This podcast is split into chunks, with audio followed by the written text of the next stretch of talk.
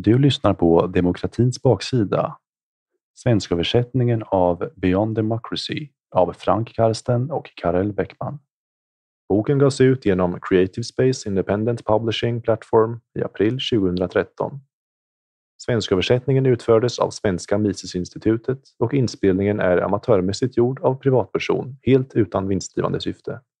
Alla rättigheter går till ursprungsförfattarna. Ord om författarna. Frank Karsten är grundare till Mises institut Nederland. Mises.nl En holländsk libertariansk organisation som försöker minska skatter och statliga interventioner. Han talar regelbundet offentligt och arbetar aktivt för att minska statens inkräktande i människors liv. Carol Beckman är författare och journalist. Han är chefsredaktör på European Energy Review. Tidigare jobbade han som journalist på holländska finanstidningen Finansiell Dagblad. Han har tidigare publicerat en bok som heter No Global Warming, The Myth of Environmental Decline. Hans hemsida är www.charleville.nl. Förord av Joakim Kempe. Varje samhälle har sina myter och trosuppfattningar som formar medlemmarnas uppfattning om verkligheten bakom vad som är rätt och fel. Av den anledning har förtryckare i alla tider haft ett stort intresse av att kontrollera dessa föreställningar för att kunna bestämma sina undersåtars verklighetsuppfattning och på så vis bevara rådande maktstrukturer. Historiskt har vi exempel på hur slaveriet rättfärdigades med läror som förklarade att vissa raser var naturligt överlägsna andra raser och hur kungens eller kejsarens makt rättfärdigades med idén att det var Gud eller solen i mänsklig form. Idag ter sig dessa trossatser bisarra och avlägsna. Men en gång i tiden var det lika självklara som vår tids stora myt är för oss idag. Vår tids stora myt är demokratin. Som svensk uppfostrad inom det svenska skolväsendet hade ordet demokrati länge enbart en positiv klang för mig. Det var uppenbart att frihet, framsteg, lycka, samförstånd och fred var ord som var helt och hållet synonyma med demokrati. På de få gudsförätna platser på vår jord dit demokratins ljus ännu inte nått levde människor ett miserabelt liv i väntan på demokratins frälsning. Frank Karsten och Karel Beckmans bok Demokratins baksida ifrågasätter hela detta tankesätt och synar demokratibegreppet i sömmarna. I grund och botten är demokrati institutionaliserat våld. Detta kan te sig som ett chockerande påstående för många. De allra flesta som stödjer demokrati anser sig ju samtidigt vara kategoriskt emot våld. Och om man frågar hävdar de allra flesta att de aldrig skulle kunna tänka sig att utföra en våldsam handling. De förstår mycket väl att de inte kan gå till sin granne, trycka en skarpladdad pistol mot hans huvud och kräva honom på pengar för att deras barn behöver utbildning eller mamma behöver sjukvård. Det är inte helt lätt att inse att demokrati fungerar exakt på det sättet, förutom att hoten och våldsdåden är delegerade till så kallade representanter. Och även om man inser detta är det inte lätt att acceptera insikten. Det uppstår en kognitiv dissonans mellan det man vet är rätt och det som myterna och trosuppfattningarna säger. Helt plötsligt blir det som tidigare varit så uppenbart en komplex och svårbegriplig dimma. Vardagen är faktiskt inte svart och vit, påstås det, och det stämmer ju. Men principer är enbart svarta och vita. Allt oprovocerat våld är precis så nattsvart som det verkar vara vid första anblick och det spelar absolut ingen roll om våldsdåden utförs av dig personligen eller dina valda representanter. Detta sätt att se på demokrati står i stark kontrast med allt vi blivit skolade under vår uppväxt. Det är alltså förståeligt att det finns ett motstånd till dessa tankegångar. Men tänk om det faktiskt är så att det du har lärt dig om demokrati är fel? Tänk om allt är en lögn och att sanningen i själva verket är raka motsatsen till det du alltid trott. Tanken är svindlande. Det krävs ett stort mod att ens erkänna en sån möjlighet och än mer att acceptera det, att så är fallet. För om demokrati inte innebär frihet, vad är det då? Har vi lurats till att tron att slaveri är frihet? Att krig är fred och att okunskap är styrka? Ett ärligt svar på de frågorna kan förändra hela din världsbild, precis som det gjorde för mig en gång i tiden. Det var dock en annan bok som först öppnade mina ögon inför detta faktum. Hans Hermann Hopps Democracy, The God That Failed Demokratins baksida är påverkad av Hobbes fantastiska bok. Men medan Hobbes bok är akademisk och bitvis svårläst är demokratins baksida lättläst för alla. Boken monterar en efter en ner de demokratiska myterna och när allt är klart återstår endast en hög av logisk aska. Inte nog med att demokratin inte är synonymt med frihet, framsteg, lycka, samförstånd och fred. Det är dess raka motsats. Demokrati gör dig varken lycklig eller fri. Det gynnar inte framsteg och det skapar konflikter snarare än löser dem. Efter den mästerliga nedmonteringen av de demokratiska myterna presenterar författarna ett alternativ till demokrati. Alternativet är enklare än man kan tro och det är inte diktatur. Det är frihet, samförstånd och fred. Trots att det är enkelt att förklara och trots att det är fullständigt uppenbart när man väl sett det, tror de allra flesta människor ännu att demokrati är liktydigt med frihet, samförstånd och fred. Denna bok är ett effektivt redskap för att hjälpa människor att se demokratin för vad den verkligen är. Efter denna insikt finns ingen väg tillbaka. Det är med stolthet jag presenterar demokratins baksida för en svensk publik. För att parafrasera ett välkänt citat är demokrati sannoliken den sista, eller i alla fall den senaste, utposten. Och den här boken tar dig dit väldigt få har vågat gå tidigare. Mycket nöje.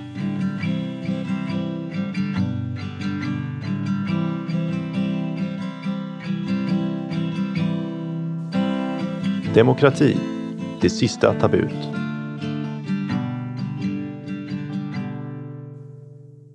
Om vår demokrati lider av något fel idag kan det endast lösas med mer demokrati.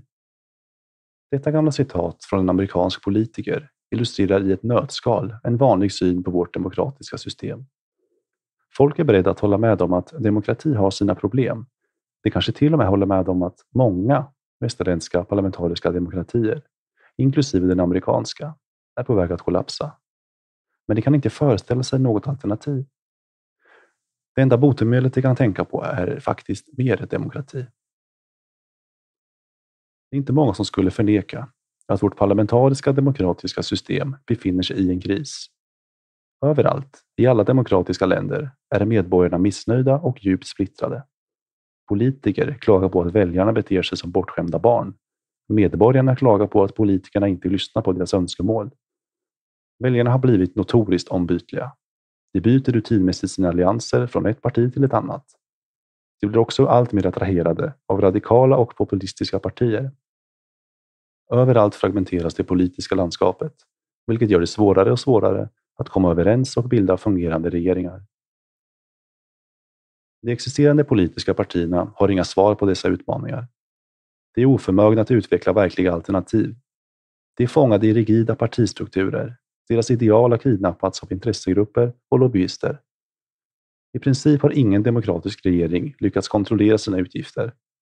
De flesta demokratiska länder har lånat, spenderat och beskattat i sån grad att det resulterat i en finansiell kris som fört olika länder till konkursens rand. Och i de sällsynta fall då omständigheterna tvingar regeringen att minska sina utgifter, i alla fall temporärt, revolterar väljarkåren i protest mot vad de anser vara en attack på deras rättigheter vilket gör alla verkliga neddragningar omöjliga. Trots de massiva utgifterna lider nästan alla demokratiska länder av permanent hög arbetslöshet. Stora folkgrupper förblir utanför. I stort sett har inget demokratiskt land avsatt tillräckligt för att hantera sin åldrande befolkning. Samtidigt gör demokratiska regeringar ett dåligt jobb beträffande det som många människor skulle anse vara deras viktigaste uppgifter. Upprätthållandet av lag och ordning. Brottsligheten och vandalismen är utom kontroll Polisen och rättsväsendet är opolitliga, inkompetenta och ofta direkt korrupta. Harmlösa beteenden kriminaliseras. Sett till procent av populationen har USA den största andelen fängslade människor i hela världen. Många av dessa människor sitter inne för helt oskadliga beteenden, helt enkelt för att deras vanor anses anstötliga för majoriteten.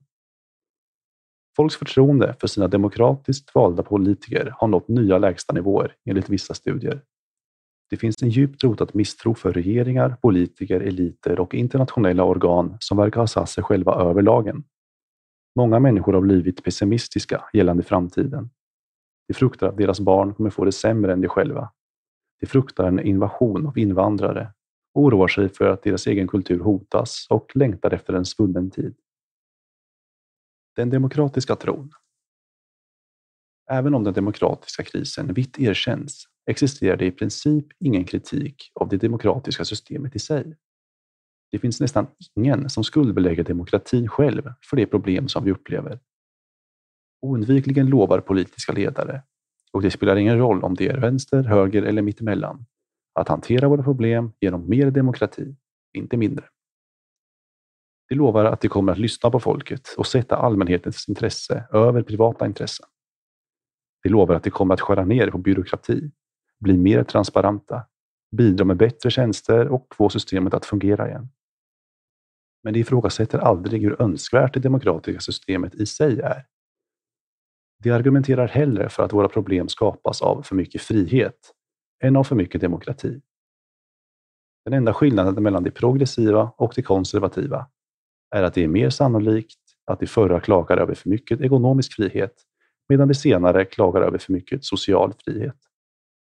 Detta vid en tidpunkt då det aldrig har funnits så många lagar och så höga skatter som idag. Faktum är att det är mer eller mindre tabu att kritisera den demokratiska idén i västerländska samhällen. Du tillåts kritisera hur demokrati utövas eller de nuvarande politiska ledarna och partierna. Men att kritisera demokratiska idealet som sådant, det gör man helt enkelt inte. Det är ingen överdrift att säga att demokrati har blivit en religion. En modern sekulär religion. Man skulle kunna kalla det för den största tron på jorden. Alla, förutom elva länder, Myanmar, Swaziland, Vatikanstaten och vissa arabiska nationer, påstår att det är demokratier, även om det enbart är till namnet. Denna tro på den demokratiska guden är nära sammanlänkat med dyrkandet av den nationaldemokratiska staten som uppstod under 1800-talet. Gud och kyrkan ersattes med staten och samhällets heliga fader. Demokratiska val är den ritual genom vilken vi ber till staten för arbete, logi, hälsa, säkerhet, utbildning. Vi har en absolut tro på denna demokratiska stat. Vi tror att han kan ta hand om allt. Han är belönaren, domaren, den allvetande, den allsmäktige. Vi förväntar oss till och med att han ska lösa våra personliga och samhälleliga problem.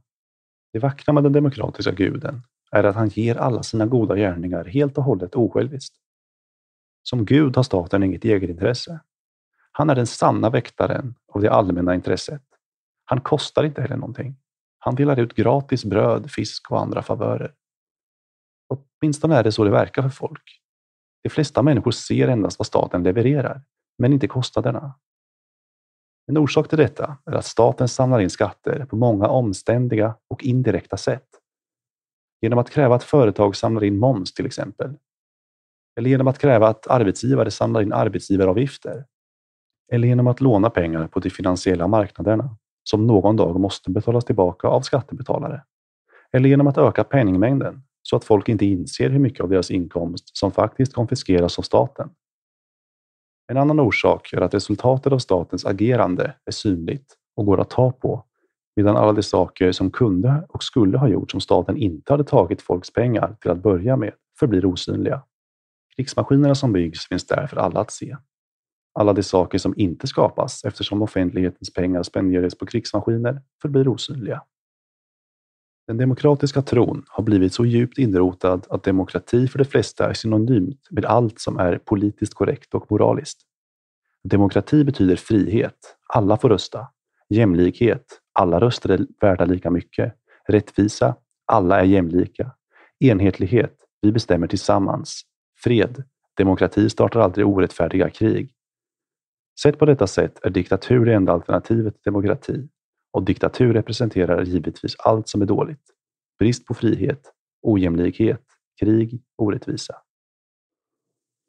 I sin berömda uppsats från 1989, The End of History, går den neokonservativa författaren Francis Fukuyama till och med så långt att han utropar det moderna västerländska demokratiska systemet som mänsklighetens politiska evolutionsklimax. Eller som han själv skriver, Idag bevittnar vi universaliserandet av den liberala demokratin som det mänskliga regerandets slutgiltiga form. Uppenbarligen skulle endast väldigt ondskefulla människor, terrorister, fundamentalister, fascister, våga protestera mot en sådan helig idé. Demokrati är lika med kollektivism. Men det är precis detta vi kommer göra i denna bok. Vi kommer att attackera den demokratiska guden, speciellt i formen av en nationell parlamentarisk demokrati. Den demokratiska beslutsmodellen är användbar inom vissa områden, som till exempel inom små församlingar eller föreningar. Men en nationell parlamentarisk demokrati, vilket nästan alla västerländska demokratier är, har långt mer nackdelar än fördelar. Parlamentarisk demokrati, kommer vi att argumentera, är orättvist, leder till byråkrati och stagnation, undergräver frihet, självständighet och företagsamhet och leder oundvikligen till antagonismer, interventioner, letargi och överdrivet spenderande. Detta har dock inte att göra med att vissa politiker misslyckas med sitt jobb eller för att fel parti styr, utan för att det är så systemet fungerar. Det som kännetecknar en demokrati är att folket bestämmer hur samhället borde organiseras. Med andra ord är det alla vi som tillsammans bestämmer gällande allt som rör oss. Hur höga skatterna borde vara, hur mycket pengar som borde spenderas på barnomsorg och omhändertagande av de gamla, i vilken ålder som folk tillåts dricka alkoholhaltiga drycker, hur mycket arbetsgivare måste betala för sina anställdas pensioner, vad som måste stå på en produktetikett, vad barn måste lära sig i skolan, hur mycket pengar som borde spenderas på utvecklingsbistånd eller på förnybar energi eller på idrottsutbildningar eller på orkestrar, hur en barägare måste driva sin bar? Och huruvida hans gäster tillåts röka, hur ett hus får byggas, hur hög räntan ska vara, hur mycket pengar som måste cirkulera i ekonomin, huruvida banker ska räddas med skattebetalarnas pengar om de riskerar att gå under, vilka som tillåts kalla sig själva för läkare, vem som har rätt att starta ett sjukhus, huruvida folk tillåts att dö när de är trötta på livet och huruvida nationen ska befinna sig i krig. I en demokrati är det folket som förväntas bestämma dessa och tusentals fler frågor. Således är demokrati per definition ett kollektivistiskt system. Det är socialism genom bakdörren.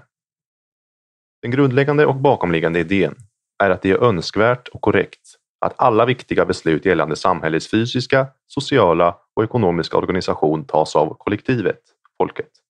Och folket ger sina representanter i parlamentet, det vill säga staten, befogenhet att ta dessa beslut åt dem.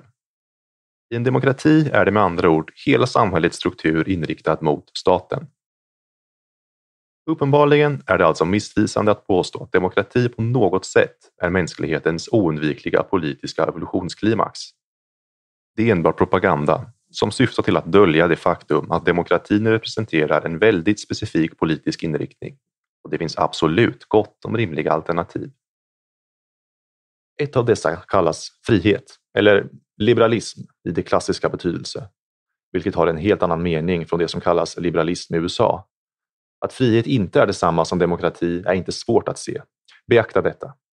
Bestämmer vi demokratiskt hur mycket pengar alla får spendera på kläder? Eller vilka affärer vi får gå till? Givetvis inte. Alla bestämmer detta själva. Och detta fria val fungerar alldeles utmärkt. Så varför fungerar det bättre om alla andra saker som påverkar oss, från vår arbetsplats, sjukvård och pensioner till våra barer och klubbar, bestäms demokratiskt? Skulle det i själva verket inte vara så att detta faktum, att vi bestämmer allt demokratiskt, att nästan alla ekonomiska och samhälleliga frågor kontrolleras av eller genom staten, är den underliggande orsaken bakom många av de saker som är fel i dagens samhälle? att byråkrati, de statliga interventionerna, parasitismen, brottsligheten, korruptionen, arbetslösheten, inflationen, de låga utbildningsstandarderna etc. inte står att finna i en brist på demokrati utan att det är snarare orsakade av demokrati. Att det hör till demokrati på samma sätt som tomma betygshyllor och trabantbilar hörde till kommunismen. Det är exakt detta vi kommer att hoppas att visa i denna bok. Denna bok är indelad i tre delar.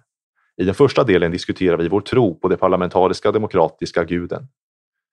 Precis som vilken religion som helst har demokrati en uppsättning trossatser, dogman som alla accepterar som oumbärliga sanningar. Vi presenterar dessa som 13 populära myter om demokrati.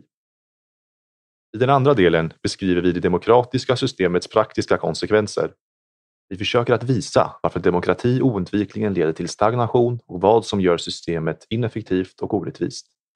I den tredje sektionen beskriver vi ett alternativ till demokrati, nämligen ett politiskt system som baseras på individens självbestämmande, vilket karaktäriseras av decentralisering, lokalstyre och mångfald. Trots vår kritik av det nuvarande nationaldemokratiska systemet är vi optimistiska beträffande framtiden.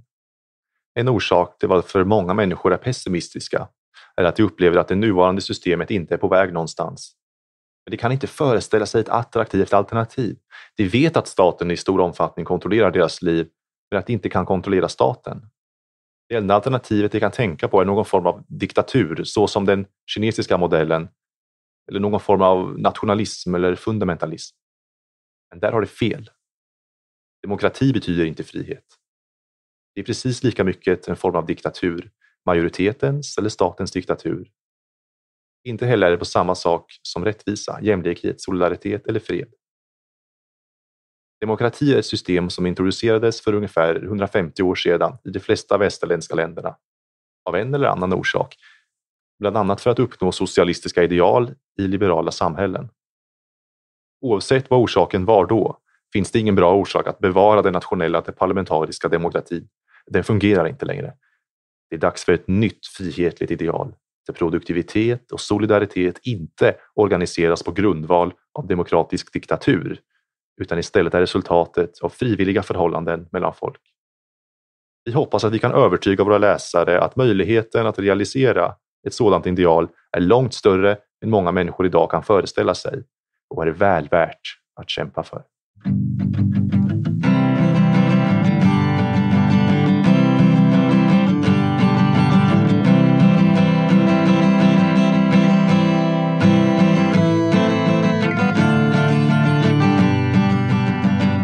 Myt nummer ett. Varje röst räknas. Detta hör vi alltid i valtider.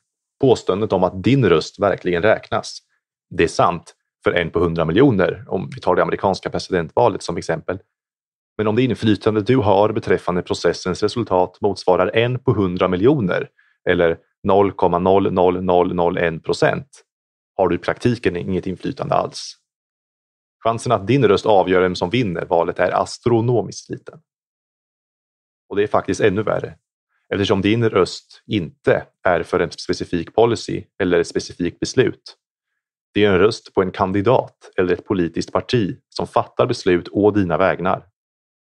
Men du har inget som helst inflytande när det kommer till vilka beslut som denna person eller detta parti tar.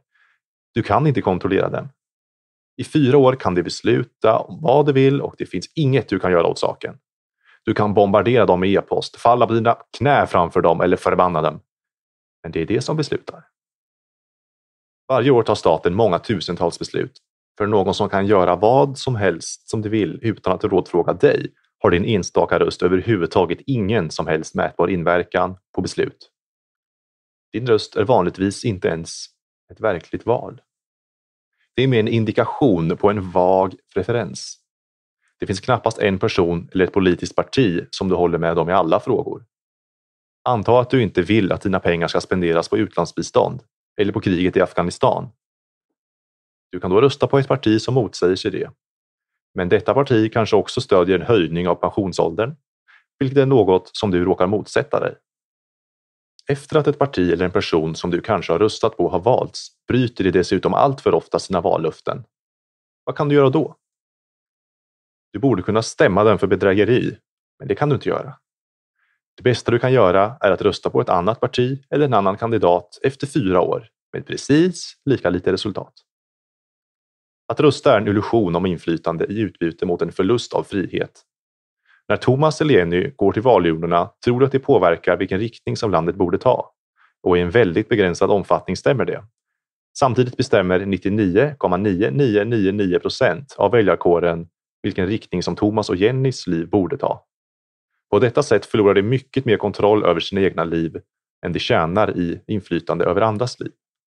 De skulle kunna ha mycket mer inflytande om de fick göra sina egna val, till exempel om de fick bestämma själva vad de spenderade sina pengar på utan att först vara tvungna att betala hälften av sin inkomst till staten i form av diverse skatter. Eller för att ta ett annat exempel. I vårt demokratiska system har folk väldigt lite direkt kontroll över hur deras barn utbildas.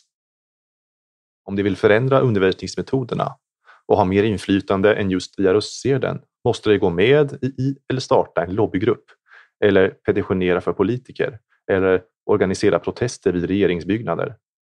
Det finns föräldraorganisationer som försökt att påverka utbildningspolitiken på detta sätt. Det tar en massa tid och energi och har nästan ingen som helst effekt. Det skulle vara mycket enklare och effektivare om staten inte skulle ha någon som helst med utbildning att göra och lärare, föräldrar och studenter tilläts fatta sina egna beslut, både individuellt och tillsammans. Givetvis uppmuntrar den styrande eliten kontinuerligt folk att rösta. De betonar alltid att folk, då de röstar, faktiskt har något att säga till om beträffande statens politik. Men det enda som spelar roll för dem är att ha ett högt valdeltagande som ger dem ett förtroendestämpel, en moraliskt sätt att styra över folk.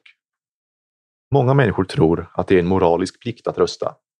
Det påstås ofta att om du inte röstar har du ingen rätt att ha något att säga till om i offentliga debatter eller klaga över politiska beslut. Trots allt röstar du ju inte, så din åsikt räknas inte längre. Folk som påstår detta kan uppenbarligen inte föreställa sig att det kan finnas vissa människor i världen som vägrar skriva under på den illusion av inflytande som demokrati säljer. De lider av Stockholmssyndromet. De har börjat älska sina tillfångatagare och inser inte att de ger upp sin självständighet för den makt som politiker och administratörer har över dem.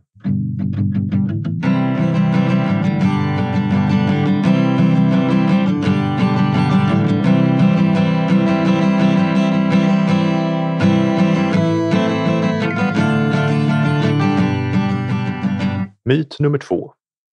I en demokrati är det folket som styr. Detta är demokratins grundidé. Det är bokstavligen vad demokrati betyder, folkstyre. Men är det verkligen folket som styr en demokrati?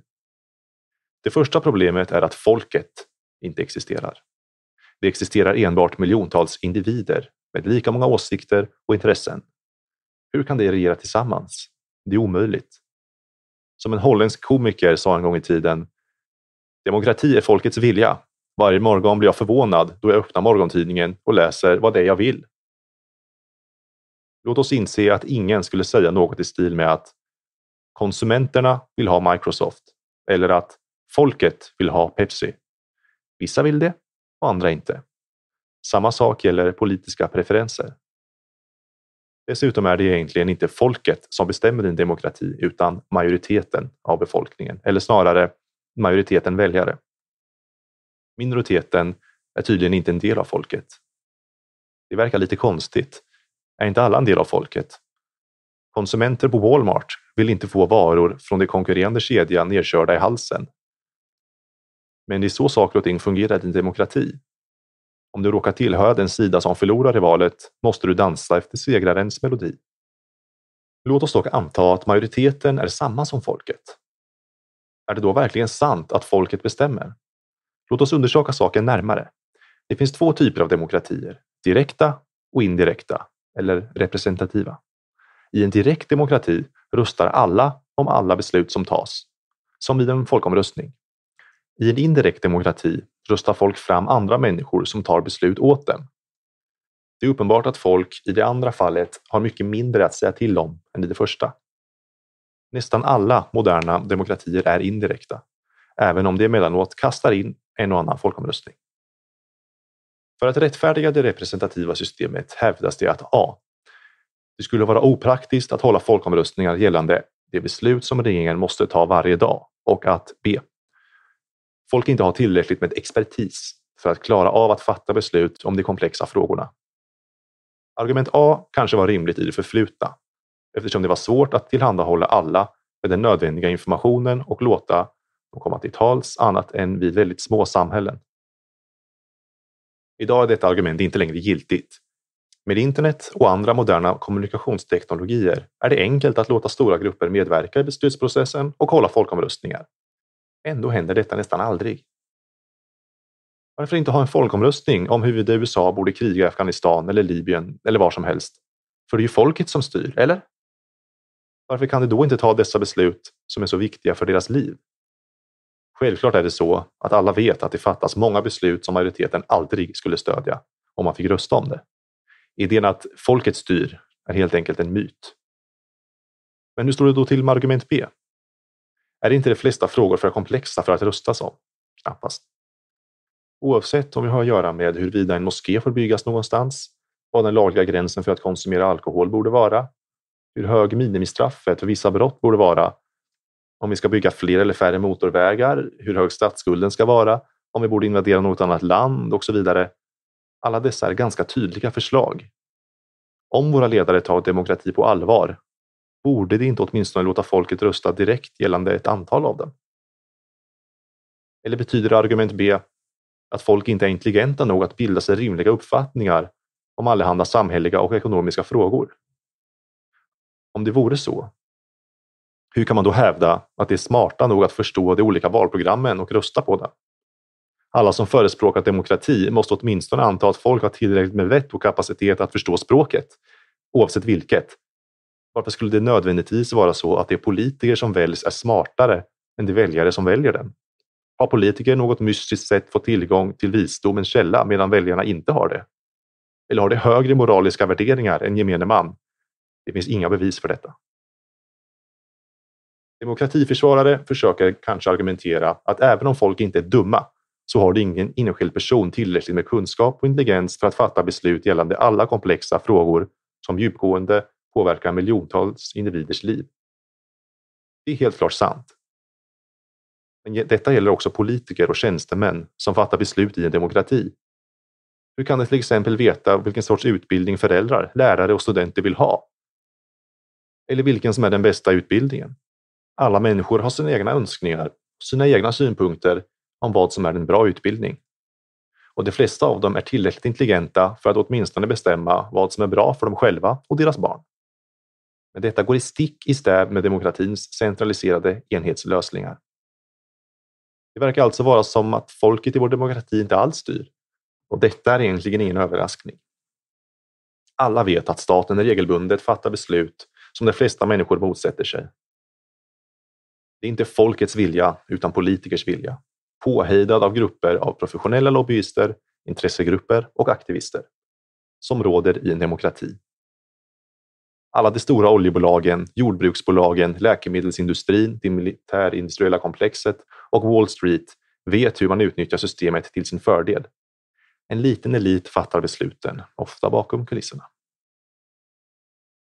Då de inte bryr sig om vad folket vill slösar de våra sparpengar på krig och biståndsprogram, tillåter en massinvandring som få medborgare vill ha, bygger upp enorma underskott, spionerar på sina medborgare, startar krig som få väljare efterfrågat, spenderar våra pengar på bidrag till speciella intressegrupper, ingår avtal som EMU eller NAFTA, som gynnar det oproduktiva på bekostnad av det produktiva. Ville vi alla ha detta demokratiskt? Eller var det vad våra ledare ville? Hur många människor skulle frivilligt föra över tusentals dollar till regeringens bankkonto så att soldater kan kriga i deras namn i Afghanistan?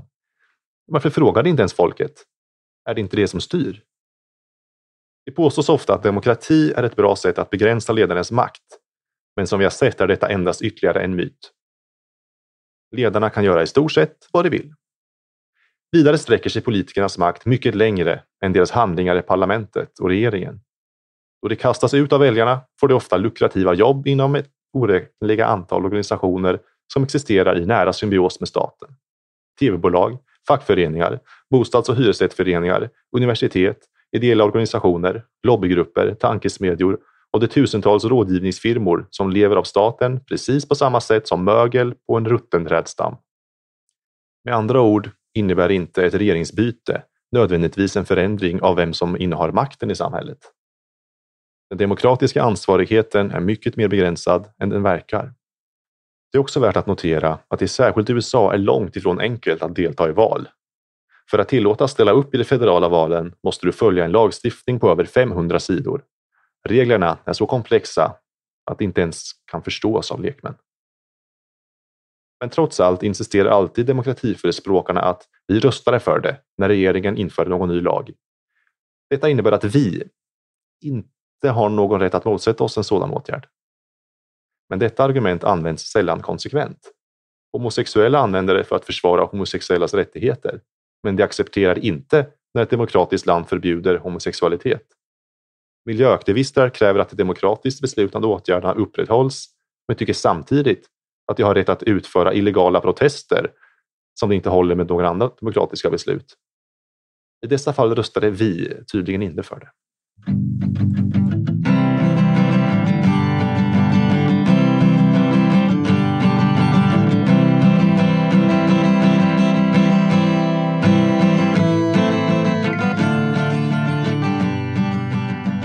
Myt nummer tre. Majoriteten har rätt. Låt oss för en stund anta, för argumentets skull, att det faktiskt är folket som styr en demokrati och att varje röst faktiskt räknas. Kommer resultatet av denna process automatiskt att bli rätt eller bra? Trots allt är det väl därför vi har en demokrati, eller hur? Så att vi kan göra det rätta. Men det är svårt att se varför eller hur den demokratiska processen om nödvändighet leder till goda eller korrekta resultat. Om många människor tror på något betyder inte det att det är sant. Det förflutna innehåller massvis med exempel på kollektiva vanföreställningar.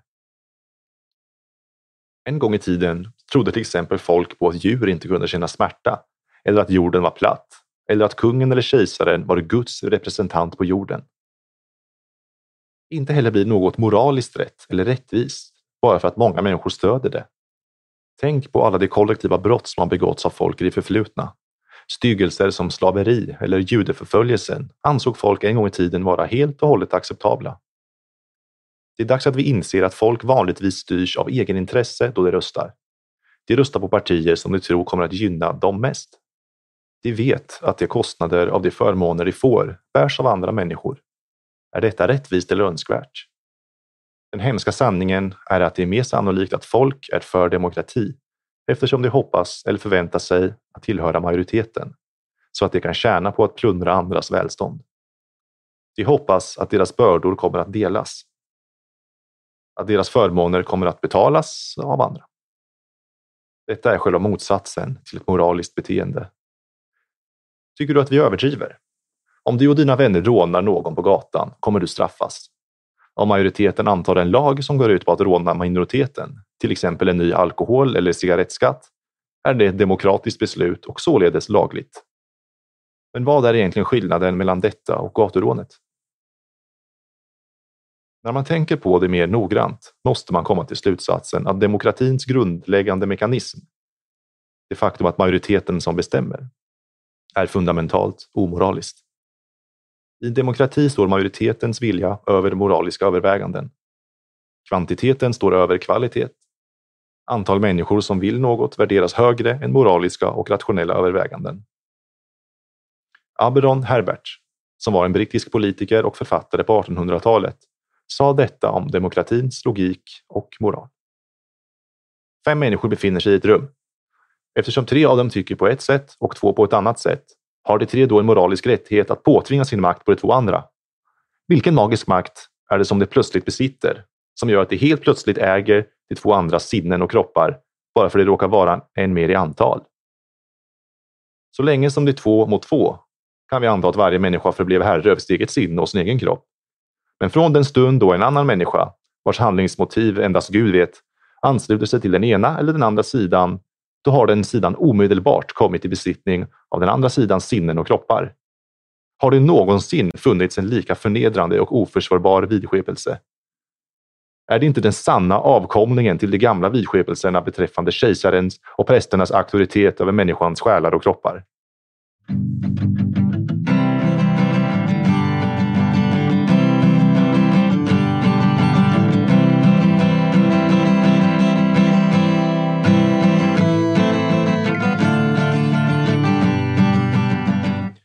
Myt nummer fyra. Demokrati är politiskt neutral. Demokrati är förenligt med alla politiska inriktningar.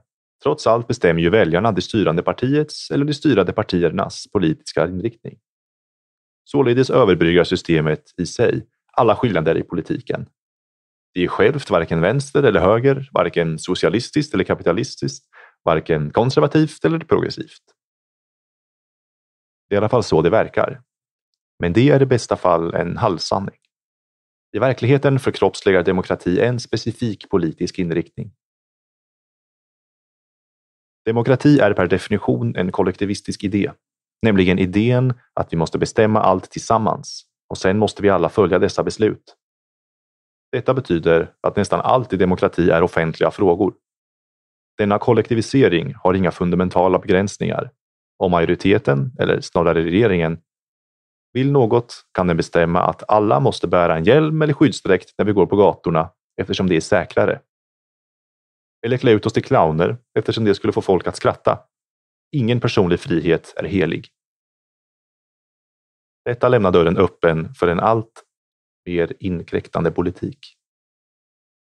Och allt mer inkräktande politik är exakt vad som sker i demokratiska samhällen. Det är sant att politiska trender kan växla och ofta sker bakslag, till exempel från mer eller mindre regleringar och sedan tillbaka. Men i det långa loppet har västerländska demokratier stadigt rört sig i riktning mot mer statliga interventioner, större statligt beroende och högre offentliga utgifter.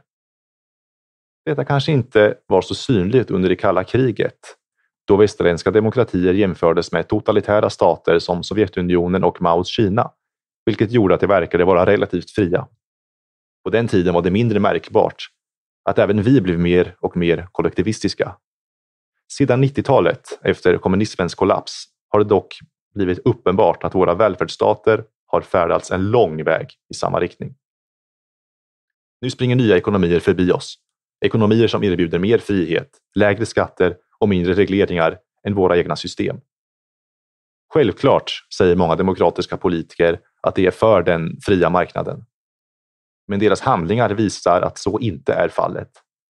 Ta till exempel det republikanska partiet, som ofta anses vara partiet för den fria företagsamheten. De har nästan anammat alla sina vänsterrivalers mest interventionistiska politik. Välfärdsstaten, höga skatter, stora statliga utgifter, allmännyttiga bostäder, arbetsmarknadslagar, minimilöner, militära interventioner. Och detta lagts utöver partiets egna interventioner såsom subventionerade av banker och storföretag samt lagar mot offerlösa brott som droganvändning och prostitution. Trots tillfälliga återgångar och perioder av avregleringar har statens makt under båda partierna stadigt växt. Oavsett hur mycket Republikanerna hävdar att det är för fri företagsamhet. Det är ett faktum att de statliga utgifterna under den republikanska konservativa presidenten Ronald Reagan inte minskade utan steg. Under George Bush var det inte bara så att de statliga utgifterna steg, de sköt i höjden. Detta visar att demokrati inte är neutralt utan har en inneboende tendens mot mer kollektivism och statlig makt, oavsett vem som för tillfället har makten. Denna långsiktiga trend kan urskiljas genom att titta på den stadiga ökningen av de statliga utgifterna. Vid 1900-talets början var de statliga utgifterna beräknat som en procent av BNP, ungefär runt 10 procent i de flesta västerländska demokratier. Nu är det ungefär 50 procent. Detta betyder att under sex av årets tolv månader är folket trälar som jobbar åt staten. I friare och mer demokratiska tider var skattebördan mycket mindre än den är idag. England hade i flera århundraden ett system där kungen hade rätt att spendera pengar men inte att höja skatterna. Och parlamentet hade rätten att beskatta men inte att spendera pengarna. Som en konsekvens av detta var de inhemska skatterna relativt låga. På 1900-talet, då Storbritannien blev mer demokratiskt, så gick skatterna skarpt upp. Den amerikanska revolutionen började som en skatterevolt av de amerikanska kolonisterna mot moderlandet Storbritannien. USAs grundare gillade demokrati precis lika mycket som de gillade höga skatter, vilket med andra ord betyder att de inte gillar det alls. Ordet demokrati förekommer inte någonstans i självständighetsförklaringen eller i den amerikanska konstitutionen. På 1800-talet var skattebördan i USA som mest ett fåtal procent, förutom i krigstider. Inkomstskatten existerade inte och det var till och med förbjuden i konstitutionen. Men då USA förvandlades från en decentraliserad federal stat till en nationell parlamentarisk demokrati ökade statens makt stadigt. Således introducerades till exempel inkomstskatten 1913 och den amerikanska centralbanken skapades. Ett annat tydligt exempel står att finna i Code of Federal Regulations som listar alla de lagar som upprätthålls av den federala staten. 1925 fick alla lagar plats i en enda bok. 2010 hade den svällt till mer än 200 volymer och bara indexet självt tog upp mer än 700 sidor. Den innehåller regler för allt möjligt. Från hur ett klockarmband borde se ut till hur lökringar borde tillagas i restauranger. Under just George Bushs presidentskap växte den med tusen sidor varje år enligt The Economist. Enligt samma tidskrift växte den amerikanska skattelagstiftningen från 1,4 miljoner till 3,8 miljoner mellan 2001 och 2010. Många nya lagar som föreslås i kongressen är så omfattande att kongressledamöterna inte ens bryr sig om att läsa dem innan de röstar på dem. Kort sagt har demokratin i USA lett till ett otroligt omfattande statligt inkräktande, även om många fortfarande hävdar att USA är ett fritt land. I andra västerländska demokratier har en liknande utveckling ägt rum. I Holland, där denna boks författare råkar komma ifrån, var till exempel den totala skattebördan 14 procent av BNP 1850. Nu står den på 55 procent enligt en studie från den holländska centralplaneringsbyrån. Enligt en annan studie var de statliga utgifterna mätt som en andel av den nationella inkomsten 10 procent år 1900 och 52 procent år 2002. Antalet lagar och regleringar i Holland har även ökat stadigt. Antalet nedskrivna lagar ökade med 72 procent mellan år 1980 och 2004 enligt en studie genomförd av Scientific Research and Documentation Center som tillhör den holländska justitiedepartementet. 2004 hade Holland totalt 12 000 nedskrivna lagar och regleringar som innehöll mer än 140 000 artiklar. Ett problem med alla dessa lagar är att de tenderar att förstärka varandra. Med andra ord leder en regel till nya regler. Om du till exempel har ett system med en statligt påtvingad sjukvårdsförsäkring kommer staten att tvinga folk att anta vad som antas vara hälsosamma livsstilar. Trots allt, påstås det, måste vi alla betala för det ohälsosammas höga sjukvårdskostnader. Det stämmer förvisso. Men endast för att staten har tvingat på oss ett kollektiviserat system till att börja med. Denna typ av hälsofascism är typisk för demokratiska länder och har accepterats som ett normalt förhållande av de flesta. Vi tycker att det är helt normalt att staten bestämmer att de inte borde äta fet mat eller socker, att de inte borde röka, att de alltid borde bära hjälmar och använda säkerhetsbälten och så vidare. Allt detta är givetvis uppenbara inskränkningar på den personliga friheten. Man skulle kunna argumentera att friheten under de senaste åren har gjort framsteg inom ett antal sektorer. I många västerländska länder har privata, kommersiella tv-bolag brutit det monopol som de nationella kanalerna haft. Affärernas öppettider har utökats, flygtrafiken har avreglerats, telekommarknader liberaliserats och i många länder har värnplikten avskaffats. Men många av dessa bedrifter var tvungna att vridas ur de demokratiska politikernas händer. I många fall kunde dessa förändringar inte stoppas av politiker eftersom det var en konsekvens av den teknologiska utvecklingen, vilket var fallet inom media och telekombranschen, eller av utländsk konkurrens, vilket var fallen då flygtrafiken avreglerades. Dessa utvecklingar kan liknas med kommunismens kollaps inom före detta Sovjetunionen. Det inträffar inte för att makthavarna ville lämna ifrån sig sin makt, utan för att de inte hade något val. Eftersom systemet var trasigt och inte kunde räddas. På samma sätt måste våra demokratiska politiker regelbundet ge upp delar av sin makt. Men våra politiker lyckas vanligtvis återhämta den mark de tappar ganska snabbt. Således håller friheten på internet mer och mer på att begränsas av staten. Yttrandefriheten eroderas med hjälp av lagar mot diskriminering, immaterialrättigheter, patent och copyrights används för att inskränka på producenters och konsumenters frihet. Marknadsliberaliseringar följs vanligtvis av etablerandet av nya byråkratier vars syfte är att reglera de nya marknaderna. Dessa byråkratiska myndigheter tenderar att bli större och introducerar allt fler regler. I Holland liberaliserades energi och telekombranschen, men samtidigt etablerades nya regleringsmyndigheter. Sex av dem under de senaste tio åren. I USA steg kostnaderna av federala regleringar, enligt forskare på University of Virginia, med 3% från 2003 till 2008 till 170 miljarder årligen, eller 12% av BNP. Efter 2008 svepte en våg efter våg av nya regleringar över finansmarknaden, oljeindustrin, matindustrin och säkerligen många fler företagssektorer. I Europa lider företag och hushåll inte enbart på grund av sina nationella regeringar utan det lider även under ytterligare regleringslager som kommer från den Europeiska unionen i Bryssel. Medan liberalisering under 90-talet var inneordet i Bryssel är trenden nu den motsatta mot allt fler återregleringar. Kort sagt är demokrati inte politiskt neutral. Systemet är kollektivistiskt av naturen och leder till mer och mer statlig intervention och mindre och mindre personlig frihet på grund av att människor fortsätter att kräva saker av staten och vill att andra ska bära kostnaderna för detta.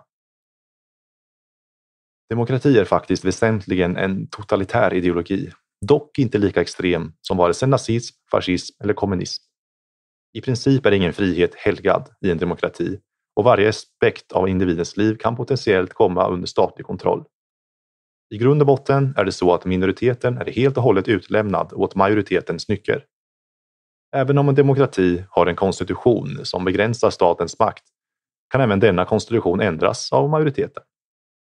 De enda grundläggande rättigheterna du har i en demokrati, annat än att ställa upp i val, är rätten att rösta på ett politiskt parti. Med denna enskilda röst ger du upp ditt oberoende till frihet till majoritetens vilja. Verklig frihet är rätten att välja att inte delta i systemet och är rätten att inte tvingas betala för det. Som konsument är du inte fri om du tvingas att välja mellan olika tv-apparater, oavsett hur många olika märken det rör sig om. Du är endast fri om du även kan välja att inte köpa en tv. I en demokrati måste du köpa det majoriteten har valt, oavsett om du gillar det eller inte.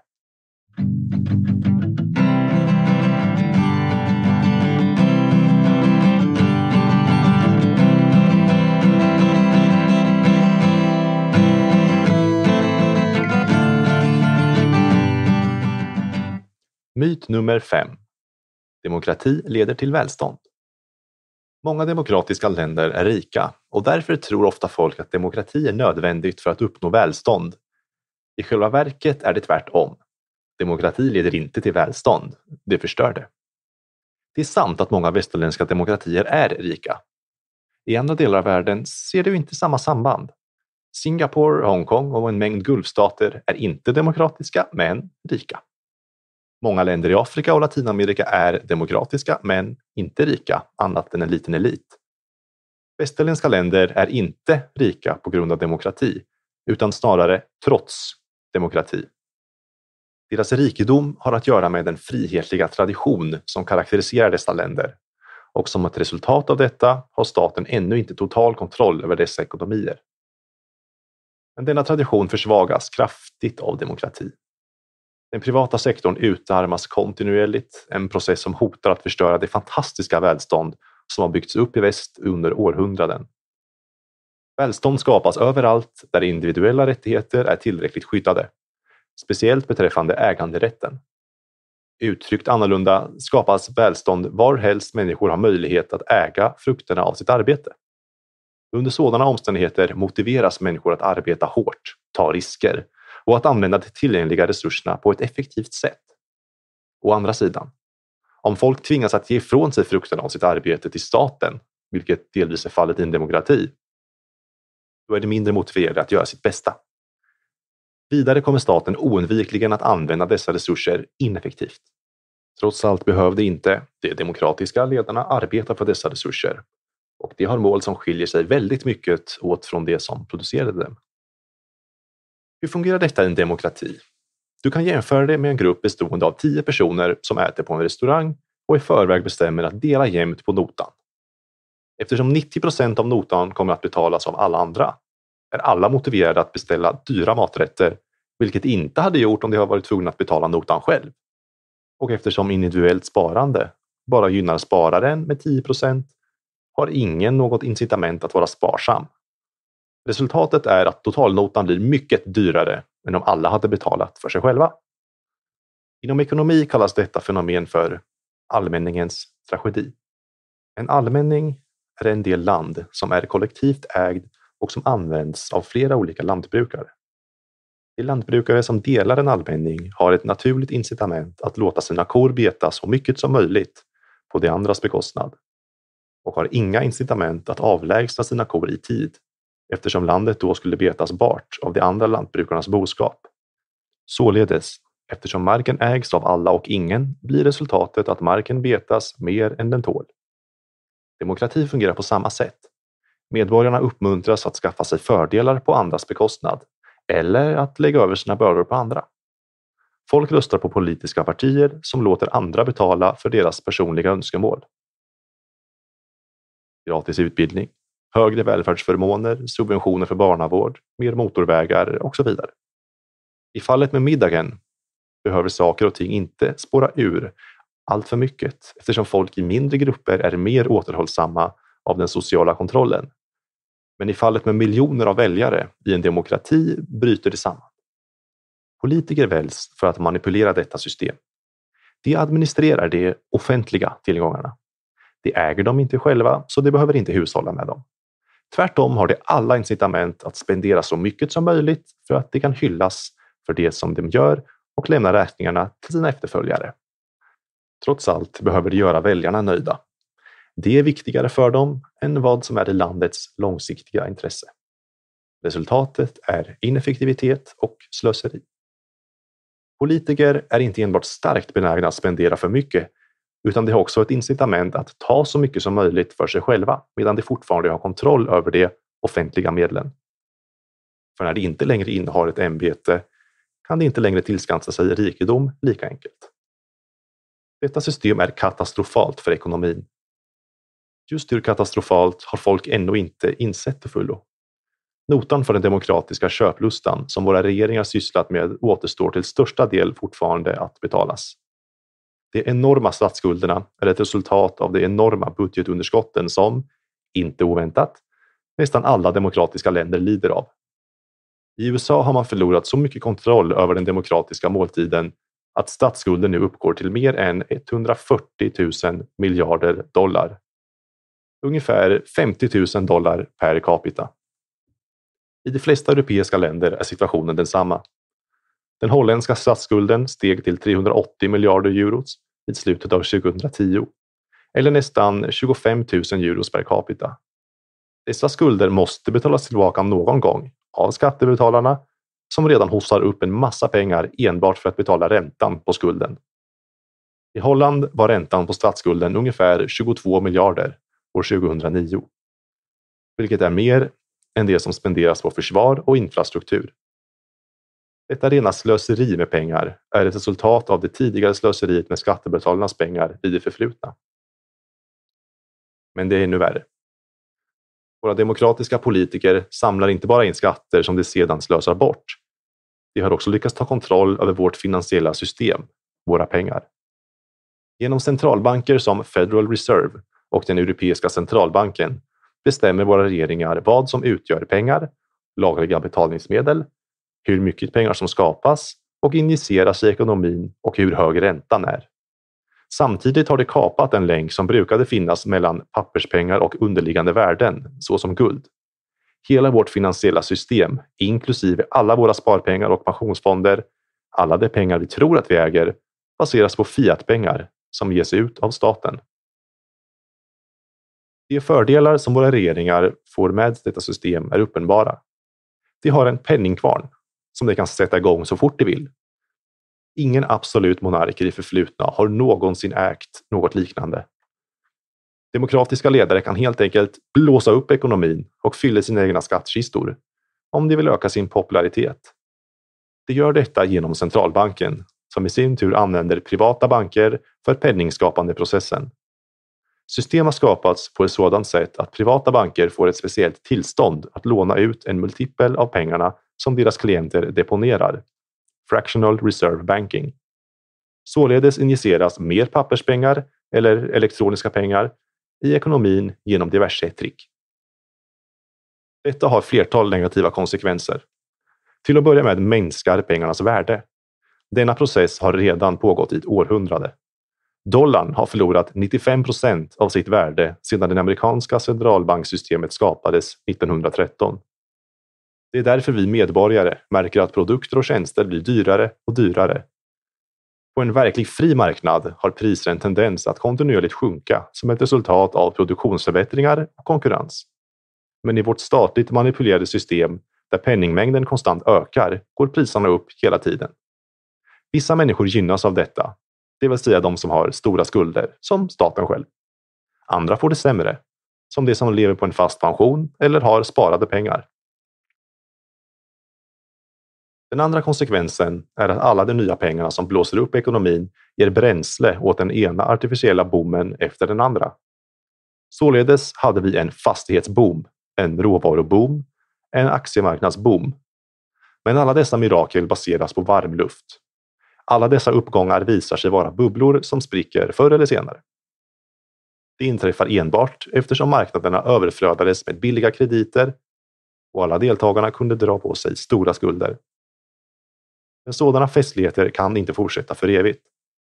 När det blir uppenbart att skulderna inte kan återbetalas exploderar bubblan. Det är på detta sätt som lågkonjunkturer uppkommer. Myndigheterna svarar vanligtvis på dessa lågkonjunkturer på det sätt vi har kommit att förvänta oss att demokratiska politiker ska göra. Nämligen genom att skapa ännu fler artificiella pengar och blåsa in ännu större mängder i ekonomin. Hela tiden ges givetvis den fria marknaden, eller spekulanter, skulden för de kriser som uppstår. De gör detta eftersom väljarna förväntar sig det från dem. Väljarna vill att festen ska fortsätta så långt som möjligt och politikerna uppfyller vanligtvis deras önskningar eftersom de vill bli återvalda. Den amerikanska författaren och politikern Benjamin Franklin såg detta problem redan på 1700-talet. När folket upptäcker att de kan rösta till sig pengar kommer det innebära republikens slut, skrev han. Att använda sig av tryckpressen ger vanligtvis en viss tröst. Men det är alltid tillfälligt. Just nu verkar vi ha nått en punkt där inga nya bubblor kan skapas utan att hela systemet förstörs helt och hållet. Myndigheterna vet inte längre vad de ska göra. Om de fortsätter att skapa pengar finns risken att det skapar en hyperinflation, så som i 20-talets Tyskland, eller mer nyligen i Zimbabwe.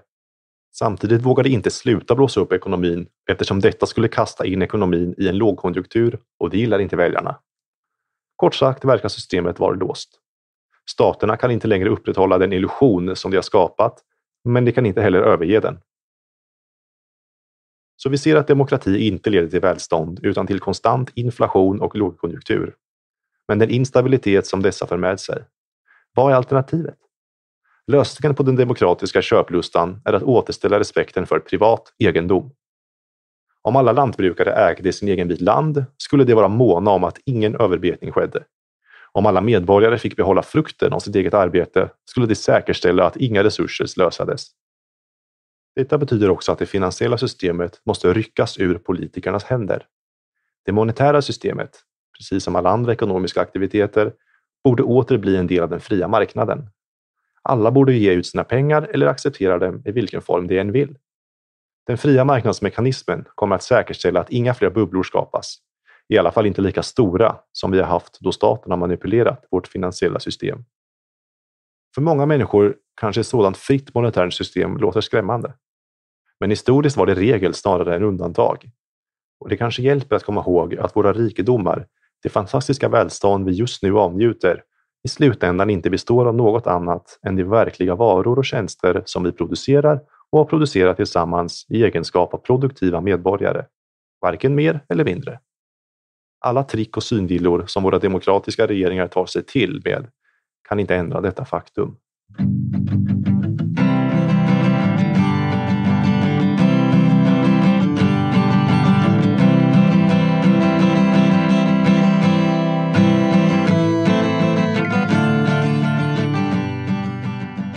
Myt nummer 6.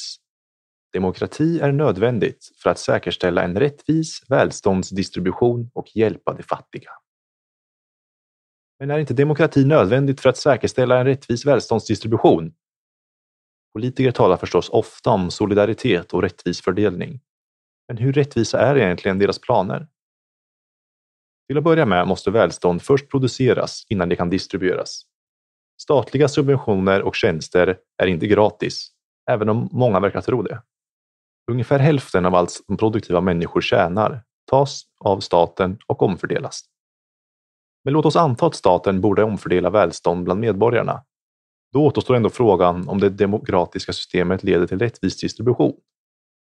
Går pengarna till de som verkligen behöver dem? Även om så är fallet går de flesta av subventionerna till intressegrupper. För att ge blott ett exempel går 40 procent av EU-budgeten till jordbruksindustrin.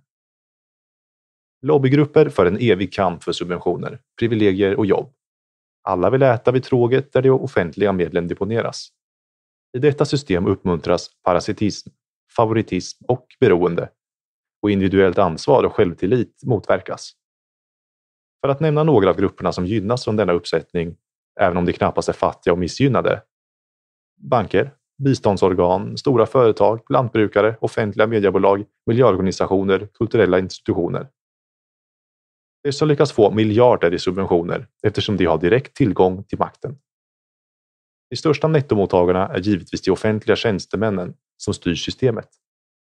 De säkerställer att de är oumbärliga och ser till att de själva får rejäla lönekuvert. Intressegrupperna gynnas inte enbart av statlig frikostighet. De vet också hur man får inflytande över lagstiftning som gynnar dem på en bekostnad av resten av samhället. Det finns oräkneliga exempel på detta. Ta exempelvis importrestriktioner och kvoter som gynnar jordbrukssektorn men höjer matpriserna. Eller fackförbund som tillsammans med politiker håller minimilönerna höga vilket minskar konkurrensen på arbetsmarknaden. Detta sker på de lägst utbildades bekostnad. De som inte kan skaffa sig jobb eftersom det kostar för mycket för företagen att anställa dem. Ett annat exempel är licenslagar. Ett smart sätt att stänga ute ovälkomna konkurrenter. Farmaceuter använder licenslagar för att blockera konkurrens från apotek och företag på internet. Läkarkåren blockerar konkurrens från olicensierade vårdgivare. Ett relaterat exempel är system med statligt beviljade patent och copyright som används av existerande företag. Till exempel läkemedelsindustrin och nöjesindustrin för att hålla nykomlingarna borta. Men skulle inte väljarna kunna revoltera mot de särskilda fördelar som lobbygrupper får? Teoretiskt sett är det givetvis möjligt. I praktiken händer det dock sällan eftersom fördelarna som intressegrupperna åtnjuter vida överstiger kostnaden för individuella samhällsmedlemmar. Om exempelvis ett kilo socker görs 50 öre dyrare på grund av importtullar kan detta vara väldigt lukrativt för sockerproducenterna och staten. Men för individuella konsumenter är det inte värt att protestera mot. Intressegrupper är därför väldigt motiverade att behålla dessa fördelar medan den stora gruppen väljare inte orkar bry sig. De flesta människor är säkert inte ens medvetna om att dessa fördelaktiga överenskommelser existerar. Likväl resulterar alla sådana system i betydande kostnader och således en lägre levnadsstandard för alla oss som inte har lobbyister som jobbar åt oss i Bryssel eller någon annan huvudstad. Demokratisk politik förefaller således till en omfördelningsmaskin där de mest inflytelserika och bäst organiserade klubbarna tjänar på andras bekostnad.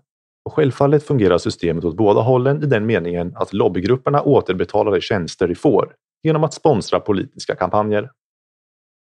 I exempelvis Holland, som kan anses vara en typisk europeisk demokratisk välfärdsstat, publicerade Samhälls och kulturplaneringsbyrån en rapport i augusti 2011 som kom fram till att medelinkomsttagaren tjänade mindre på statliga förmåner än både låg och höginkomsttagaren. Faktum är att de med allra högst inkomst tjänade mest från statsförmånerna. Denna forskning gällde enbart år 2007, men det finns inget skäl att tro att resultaten skulle vara annorlunda något annat år.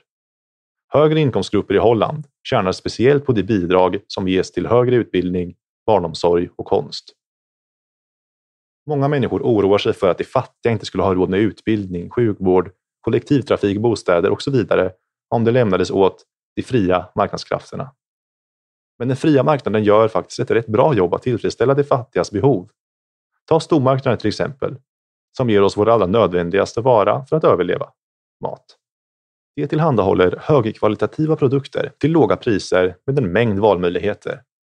Genom innovation och konkurrens har den fria marknaden gjort det möjligt för låginkomsttagarna, såsom vanliga arbetare och studenter, att ha råd med varor som bilar, datorer, mobiltelefoner och flygresor som tidigare endast de rika hade råd med. Om äldreomsorgen organiseras precis som stormarknader, utan statliga interventioner, skulle vi då inte kunna se samma resultat? De äldre och deras släktingar skulle kunna välja vilka tjänster de behövde och till vilket pris. Vi skulle ha mycket större kontroll över vilken vård du får och vad du betalar för den. Skulle inte kvaliteten bli lidande om staten inte längre lade sig i skola, vård och omsorg? Tvärtom. Hur skulle mataffärernas kvalitet vara om de organiserade sig som offentliga skolor? Du kan helt enkelt inte förvänta dig att ett gäng specialister i huvudstaden på ett effektivt sätt kan hantera stora och komplexa sektorer såsom utbildning och sjukvård. Med sina oändliga reformer, påbud, kommittéer, utredningar, lagförslag, direktiv, riktlinjer och nedskärningar producerar det i slutändan ingenting annat än mer byråkrati. De verkliga experterna hittar man i skolorna och på sjukhusen. De vet mest av allt om sitt expertområde och det är det som bäst kan organisera sina institutioner effektivt. Och om det inte gör det på ett bra sätt kommer det helt enkelt inte överleva på en fri marknad. Av denna orsak kommer kvaliteten på utbildningen och sjukvården att förbättras istället för att försämras om de statliga interventionerna försvinner. Byråkrati, kölistor och överfulla klassrum skulle försvinna.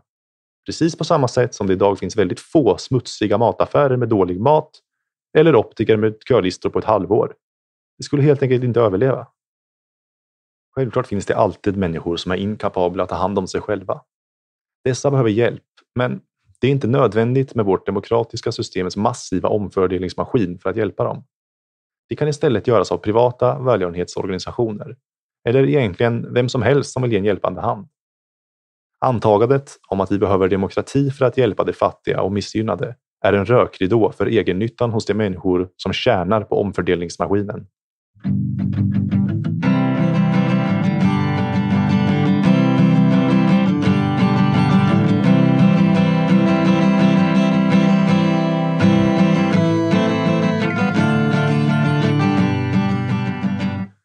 Myt nummer sju.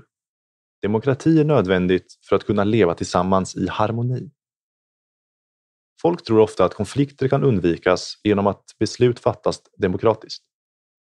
Eftersom det påstås att om alla bara skulle följa sina egna ingivelser skulle man ju inte kunna leva tillsammans i fred. Detta stämmer kanske när en grupp människor måste bestämma om de ska gå på bio eller till stranden.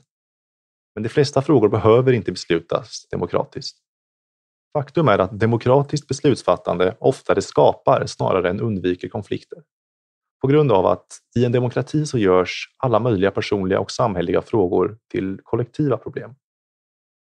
Genom att tvinga folk att lyda de demokratiska besluten leder demokrati till relationer mellan folk blir antagonistiska, inte harmoniska. Till exempel beslutas det demokratiskt vad barn måste lära sig i skolan, hur mycket pengar som ska spenderas på äldreomsorg, hur högt biståndet ska vara, huruvida rökning på krogar ska tillåtas, vilka tv-kanaler som får bidrag, vilka medicinska behandlingar man har rätt till, hur höga hyrorna borde vara, huruvida kvinnor ska tillåtas bära slöja och huvuddukar, vilka droger som folk ska tillåtas ta och så vidare. Alla dessa beslut skapar konflikter och spänningar. Dessa konflikter kan på ett enkelt sätt undvikas genom att låta folk fatta sina egna beslut och ta ansvar för konsekvenserna. Anta att vi demokratiskt beslutade hur mycket och vilken sorts bröd som bakades varje dag. Detta skulle leda till en oändlig lobbyverksamhet och kampanjande och eviga tvister, möten och protester. De som stödjer vitt bröd skulle se på de som förespråkade fullkornsbröd som sina politiska fiender.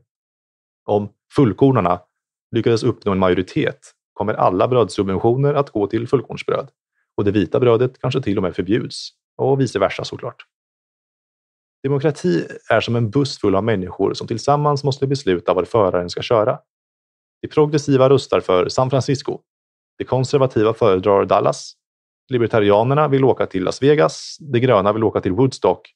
Och resten vill åka till tusentals olika platser. Till slut kommer bussen fram till en plats dit nästan ingen ville. Även om föraren inte har någon som helst egenintresse och noggrant lyssnar till vad hans passagerare vill kan han aldrig tillfredsställa alla deras önskemål. Han har endast en buss och det finns nästan lika många önskningar som det finns passagerare. Detta är också orsaken till varför politiska nykomlingar, som i början hyllas som frälsare, i slutändan alltid gör folk missnöjda. Ingen politiker kan uppnå det omöjliga. Ja, vi kan! slutar alltid med Nej, det kan vi inte. Inte ens den visaste personen i världen kan uppfylla motsägelsefulla önskemål. Det är ingen slump att många politiska diskussioner mellan folk ofta är så känslomässiga Faktum är att många människor föredrar att inte tala om politik när de umgås socialt. Detta på grund av att de vanligtvis har olika uppfattningar om hur man bör leva. Och i en demokrati måste dessa uppfattningar på något sätt förenas. Lösningen på bussproblemet ovan är enkelt. Låt folk själva få bestämma vart de vill åka och med vilka. Låt folk själva få bestämma hur de vill leva sina liv. Låt dem lösa sina egna problem, bilda sina egna grupper Låt dem besluta själva vad de vill göra med sina kroppar, sinnen och pengar. Många av våra politiska problem skulle då magiskt försvinna. Men i en demokrati händer själva motsatsen. Systemet uppmuntrar folk till att förvandla sina individuella preferenser till kollektiva mål som måste följas. Det uppmuntrar de som vill åka till plats Z till att försöka tvinga andra i samma riktning. En särskilt olycklig konsekvens av det demokratiska systemet är att det får folk att bilda grupper som av nödvändighet kommer att komma i konflikt med andra grupper. Eftersom det endast är när du har en del av en tillräckligt stor grupp som det finns en chans att dina idéer kan förvandlas till lag. Således vänds det gamla mot de unga, jordbrukare mot stadsfolk, invandrare mot medborgare, kristna mot muslimer, troende mot ateister, arbetsgivare mot arbetstagare och så vidare.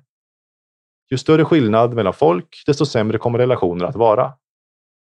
När en grupp tror att homosexualitet är en synd och en annan skriker efter mer homosexuella förebilder i skolorna och i utbildningsmaterialet kommer det oundvikligen att hamna i konflikt med varandra. Nästan alla förstår att den religionsfrihet som utvecklades för några århundraden sedan var en bra idé som minskade de sociala spänningarna mellan religiösa grupper. Katoliker kunde inte längre bestämma över protestanternas liv och vice versa. Men idag verkar få människor vara kapabla att förstå spänningarna som uppstår när arbetstagare, genom vårt demokratiska system, kan bestämma hur arbetsgivare borde driva sina företag. När de unga tvingas betala för de gamlas pensioner. När banker kan få medborgare att betala för dåliga investeringar. När hälsodårar kan tvinga på sina idéer på folk och så vidare. Dessutom hjälper det om du lyckas framställa din grupp som svag, missgynnad eller diskriminerad. Det ger dig ett extra argument som du kan använda dig av för att få statliga bidrag och det ger staten ett argument som de kan använda för att rättfärdiga sin existens och dela ut bidragen i den sociala rättvisans namn. Som den amerikanska författaren H.L. Mencken sa. Det som människor värderar i denna värld är inte rättigheter utan privilegier. Detta gäller för många grupper i samhället och är ganska uppenbart i en demokrati. När en gång i tiden kvinnor, svarta och homosexuella slogs för frihet och lika rättigheter kräver deras moderna representanter oftare privilegier som kvotering, positiv särbehandling och antidiskrimineringslagar som begränsar yttrandefriheten. Vi kallar detta för rättigheter, men eftersom dessa rättigheter endast gäller särskilda grupper är det i själva verket privilegier. Verkliga rättigheter, som yttrandefrihet, gäller alla. Privilegier kan endast gälla för särskilda grupper. Det baseras på våld eftersom det endast kan ges genom att andra tvingas betala för dem. En annan taktik för att få fördelar och privilegier av det demokratiska systemet är genom att presentera det du kämpar för som nödvändigt för att rädda samhället från någon sorts katastrof. Om vi inte räddar klimatet, eller euron, eller bankerna kommer samhället att kollapsa. Det kommer bli kaos och miljontals kommer att lida. Angel Mencken såg även igenom detta och skrev Uppmaningen att rädda mänskligheten är nästan alltid en falsk fasad för strävan att regera över den. Notera att folk i en demokrati inte behöver backa upp det de säger med sina egna pengar. De kan försvara olaglig invandring om de råkar leva på en plats där de inte störs av den. De kan rösta för subventioner till orkestrar eller museer om de själva inte skulle vilja betala de dyra biljetterna för att besöka, fullt medvetna om att subventionskostnaderna kommer att bäras av andra. Sådana människor uppvisar ofta en sorts moralisk överlägsenhet.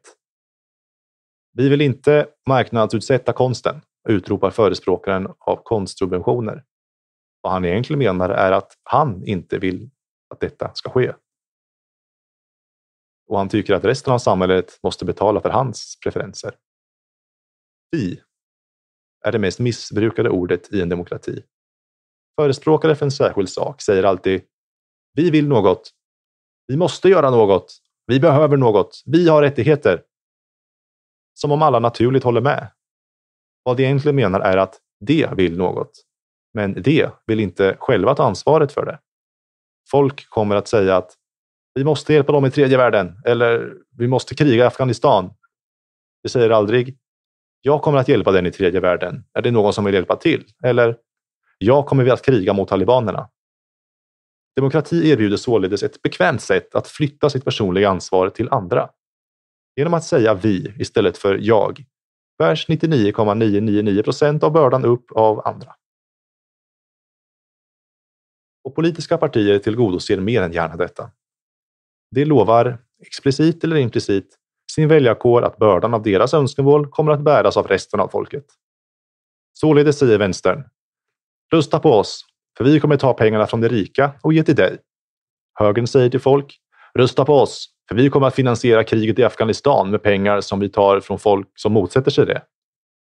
Alla av dem säger till bönderna. Rösta på oss så ser vi till att dina jordbrukssubventioner kommer att betalas av icke-bönder. Är detta ett system av goodwill och solidaritet?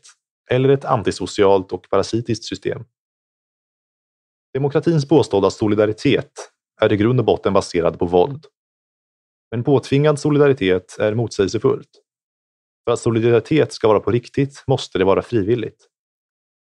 Du kan inte säga att någon som blir rånad på gatan visar solidaritet med rånaren, oavsett hur nobla rånarens motiv är. Faktum är att de som använder det demokratiska systemet för att påtvinga solidaritet kan göra detta eftersom de inte behöver betala för det själva. Notera att jag aldrig förespråkar att en liknande omfördelning av välstånd bör utföras på en global nivå. Om det är rätt att dela med sig med de mindre lyckligt lottade, varför inte utöka välfärdsprogrammet i hela världen? Varför inte skapa social rättvisa globalt?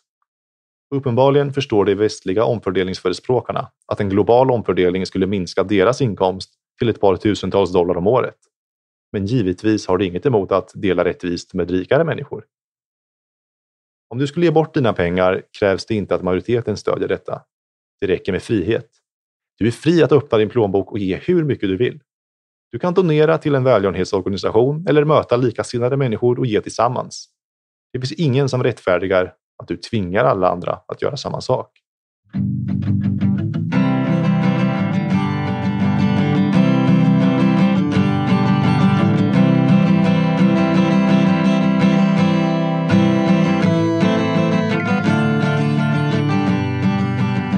Myt nummer åtta. Demokrati är oumbärligt för en gemensamhetskänsla. I en demokrati leder alltså varje åsiktsskillnad till en kamp om makt och resurser, där en grupp tjänar på den andras bekostnad. Alla kräver saker från staten och staten tvingar andra människor att möta dessa krav. Det kan knappast vara på något annat sätt eftersom staten inte är något annat än ett maktinstrument baserat på våld. Resultatet av detta system är att folk blir bortskämda och kräver allt mer av de styrande. Får det inte som de vill klagar de. Samtidigt har de inget annat val än att delta i systemet eftersom om de inte gör det kommer de bli utpressade av resten av befolkningen. På detta sätt förstör systemet folks självtillit, deras förmåga att ta hand om sig själva. Det förstör också samtidigt folks vilja att frivilligt hjälpa andra eftersom de redan tvingas att hjälpa andra. Folks mentalitet har vid det här laget blivit så demokratiserad att de inte längre ens ser hur antisociala deras handlingar och idéer faktiskt är. Nu för tiden försöker alla som vill starta en sportklubb, anordna en kulturfest, ett daghem, en miljögrupp etc. att få någon sorts statsbidrag. Med andra ord vill de att andra ska betala för deras hobby. Det är såklart inte särskilt konstigt eftersom om du inte spelar med måste du betala för andras fritidsaktiviteter och du får inte ut något av det. Detta system har dock väldigt lite att göra med gemensamhetskänsla som folk tenderar att förknippa med demokrati. Det handlar mer om den starkes överlevnad i kampen om att beslagta skatten. Ludwig Erhard, före detta tysk kansler och arkitekten bakom Tysklands ekonomiska mirakel under efterkrigstiden, erkände att demokratin hade detta problem. Hur kan vi fortsätta att säkerställa framsteg om vi alltmer antar en livsstil där ingen är villig att ta ansvar för sina egna handlingar och där alla söker säkerhet i kollektivism? undrade han. Om detta vanvett fortsätter kommer vårt samhälle att förvalla till ett samhällssystem där alla har sin hand i andras fickor. Men man kan ändå ställa sig frågan om vi inte skulle förlora vår nationella samhörighetskänsla om vi slutade bestämma allt tillsammans. Det är onekligen så att ett land i viss bemärkelse är en gemenskap. Och det är inget fel med det. Det kan till och med vara en bra sak. De flesta människor är trots allt inte enstöringar. De behöver kamratskap och de behöver också varandra av ekonomiska orsaker. Men frågan är om demokrati är nödvändigt för denna samhörighetskänsla. Det är svårt att se varför det skulle vara fallet. När man talar om gemenskap talar man om mer än ett politiskt system. Folk delar sitt språk, kultur och historia med varandra. Varje land har sina nationella hjältar, kändisar och sportstjärnor, men också sin egen litteratur, kulturella värden, arbetsetik och livsstil. Inget av detta är knutet till det demokratiska systemet. Det existerar innan demokratin och det finns ingen orsak att tro att det inte skulle fortsätta att existera utan demokrati. Samtidigt finns det inget land som har en rakt igenom sig enhetlig kultur. Inom varje land finns det stora skillnader mellan folk. Det finns många regionala och etniska samhällen med starka gemensamma band. Och det är inget fel i det heller. Inom det fria samhällets ramverk kan alla dessa samhälleliga strukturer och åtaganden samexistera. Det viktigaste att notera beträffande dem är att de är frivilliga. De påtvingas inte av staten och det kan det inte heller bli eftersom kulturer och samhällen är organiska enheter. Du kan inte upprätthålla dem med statligt våld och det har väldigt lite att göra med politiska val. Skillnaden mellan dessa samhällen och demokrati är att en demokrati är en organisation vars medlemskap är obligatoriskt. En äkta gemenskap kan såklart mycket väl ha demokratiska regler. Medlemmarna i en tennisklubb kan rösta vem deras ordförande ska vara, hur hög deras medlemskapsavgifter ska vara och så vidare. Det är inget konstigt med det. Det är en fri sammanslutning och folk kan välja om de vill vara med eller inte. Om de inte gillar hur klubben styrs kan du gå med i en annan klubb eller starta en egen. Klubbens frivilliga natur försäkrar att den tenderar att styras på ett bra sätt. Om till exempel styrelsen skulle syssla med favoritism skulle många medlemmar sluta. Men i vårt demokratiska system har du inte valet att lämna klubben. Demokrati är obligatoriskt. Ibland säger folk antingen älskar du det eller så lämnar du det när de talar om sitt land. Men det implicerar att landet skulle tillhöra staten, kollektivet och att alla som råkar födas där per definition är statens undersåtar. Även om folk aldrig någonsin gavs något val. Om någon på Sicilien utpressas av maffian är det ingen som säger antingen älskar du det eller så lämnar du det. Om ett land sätter homosexuella i fängelse säger inte folk du har ingen rätt att klaga. Du borde ha flyttat om du inte gillade reglerna. Precis som maffian inte är Siciliens rättfärdiga ägare ägs inte USA av den amerikanska staten eller ens majoriteten. Varje människa äger sitt eget liv och borde inte tvingas till att göra det som majoriteten vill. Folk har rätt att göra vad som helst med sina liv så länge det inte skadar andra genom våld, stöld eller bedrägeri. Men denna rätt förnekas folket i våra parlamentariska nationaldemokratier.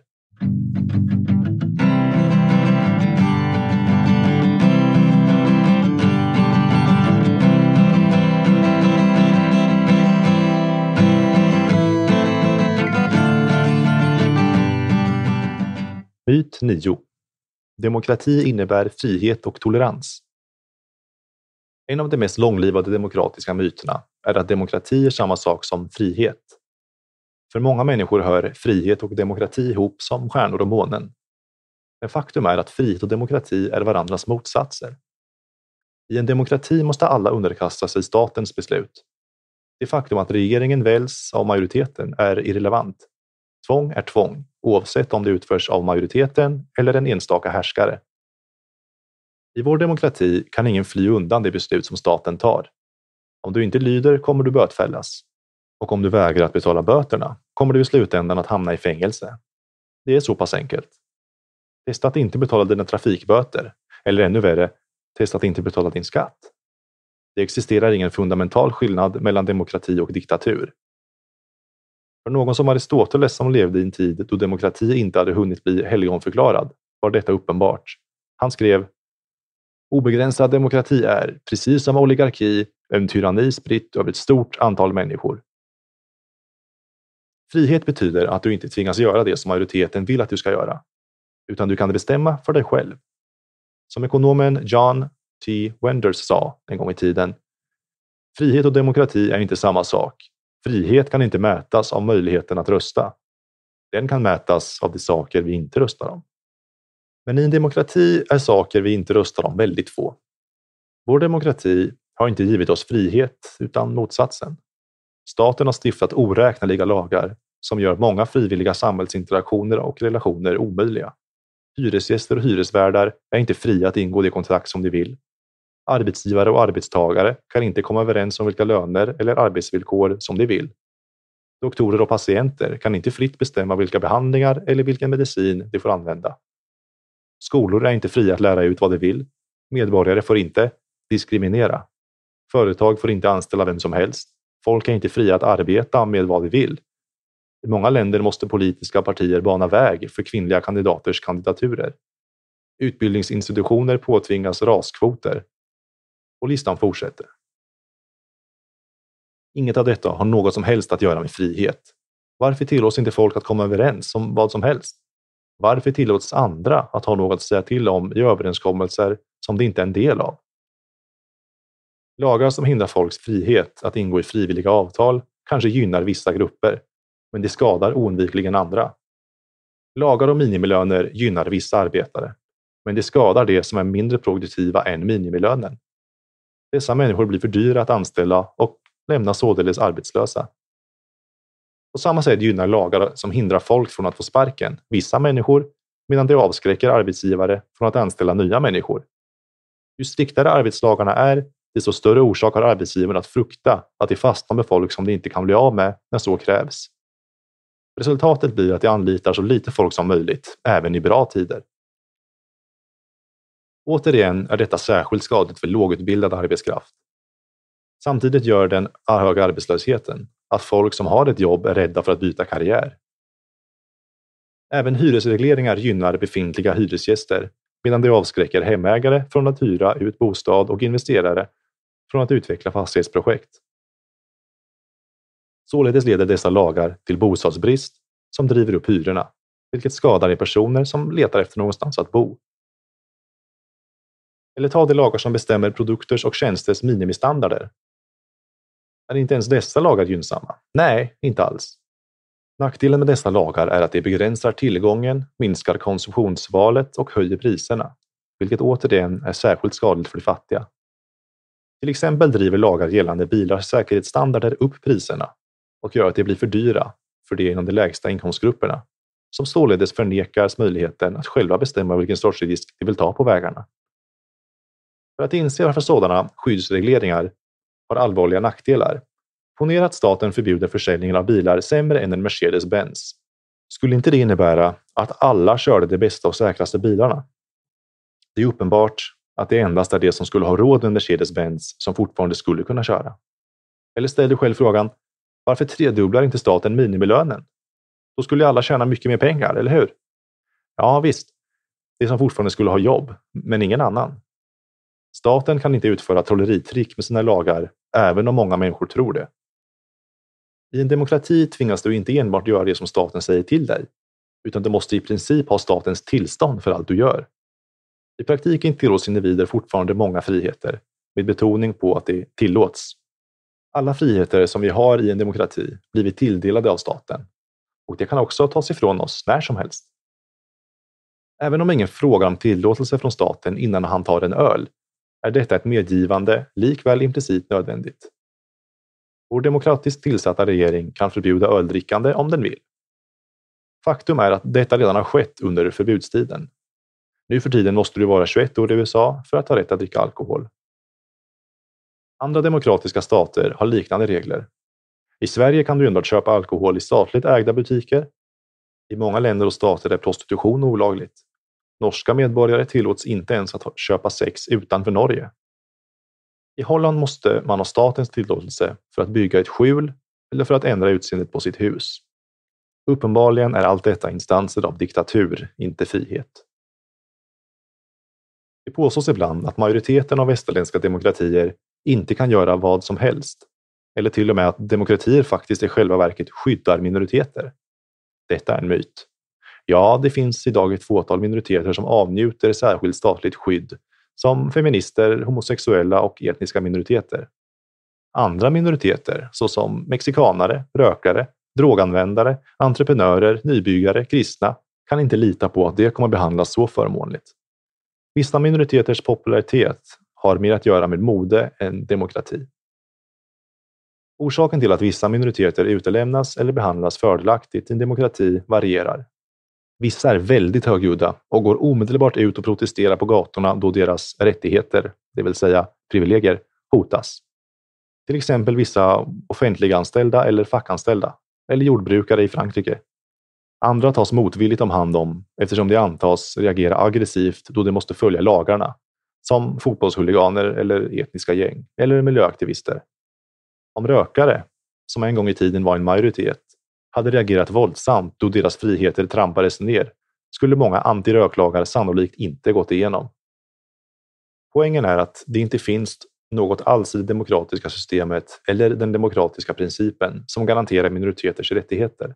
Demokratiprincipen i sig innebär just att minoriteten inte har några oförytterliga rättigheter. Parlamentet eller kongressen kan anta vilken lag som helst utan att ta hänsyn till minoriteterna. Och vad som är moderiktigt är i ständig förändring. Dagens skyddade minoritet kan vara morgondagens syndabockar. Men har inte demokratier konstitutioner som skyddar folket från majoritetens tyranniska lagstiftning? I viss mån ja. Men lägg märke till att amerikanska konstitutionen antogs innan USA var en demokrati. Och konstitutionen kan ändras av det demokratiska systemet om majoriteten vill det. Och så har också ofta skett. Alkoholförbudet fixades genom ett författningstillägg. Inkomstskatten likaså. Själva existensen av författningstillägg visar att konstitutionen är under demokratisk kontroll det vill säga majoritetens styre. Dessutom var den ursprungliga konstitutionen inte heller perfekt då den tillät slaveri. Andra demokratiska länder har konstitutioner som i ännu mindre omfattning skyddar individuella rättigheter än den amerikanska konstitutionen. Under den holländska konstitutionen måste staten bidra med jobb, bostäder, uppehälle, sjukvård, omfördelning av rikedom och så vidare. Denna konstitution ser mer ut som ett socialdemokratiskt valprogram än en frihetlig manifest. I EUs konstitution står det att unionen ska verka för en hållbar utveckling i Europa som bygger på välavvägd ekonomisk tillväxt och på prisstabilitet, på en social marknadsekonomi med hög konkurrenskraft där full sysselsättning och sociala framsteg eftersträvas, samt på en hög miljöskyddsnivå och en bättre miljö. Dessa och andra artiklar i dokumentet ger de europeiska myndigheterna gott om spelrum för att reglera folk. Apropå det röstade befolkningen i Frankrike och Holland emot författningen, men den drevs igenom ändå. Demokrati påstås dessutom ofta gå hand i hand med yttrandefrihet. Men återigen så är detta en myt. Det finns ingenting i den demokratiska idén som har med yttrandefrihet att göra, vilket Sokrates blev varse om. Demokratiska länder har massvis med regler och begränsningar på yttrandefriheten. I Holland är det till exempel förbjudet att förolämpa drottningen. I USA garanterar den första författningstillägget yttrandefrihet med undantag för obsceniteter, förtal, uppvigling samt trakasserier, privilegierad kommunikation, handelshemligheter, klassificerat material, copyright, patent, militärt agerande, kommersiellt tal såsom reklam samt begränsningar som beror på tid, plats och uppträdande. Det är en himla massa undantag. Det som är viktigt att lägga märke till är dock att den amerikanska konstitutionen och yttrandefriheten som kom med den antogs innan demokratins ankomst. Orsaken till att folk i västerländska demokratier åtnjuter en mängd friheter är inte för att de är demokratier, utan för att de har klassiskt liberala eller libertarianska traditioner som uppstod på 16 eller 1700-talet, innan dessa länder blev demokratiska. Många människor i dessa länder vill inte ge upp sina friheter även om den frihetliga andan konstant urholkas av den demokratiska andan. I andra delar av världen är folk mindre fästa vid individuella friheter. Många icke-västerländska demokratier visar väldigt lite respekt för individuell frihet. I demokratiska islamska länder, som Pakistan, har kvinnor väldigt lite frihet och inte heller finns det någon yttrandefrihet eller religionsfrihet. I dessa länder är demokrati ett rättfärdigande för förtryck. Om demokrati instiftades i absoluta monarkier som Dubai, Qatar eller Kuwait skulle detta sannolikt leda till mindre frihet snarare än mer. Palestinierna på Gazaremsan valde på demokratisk väg det fundamentalistiska och inte särskilt frihetsälskande Hamas. Ett resultat som ironiskt nog inte accepterades av USA eller andra västerländska stater.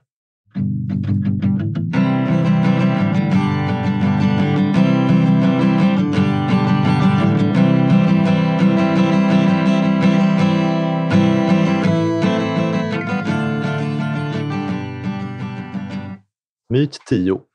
Demokrati främjar fred och bekämpar korruption. På den internationella arenan är demokratiska stater nästan per definition bra och alla andra är dåliga.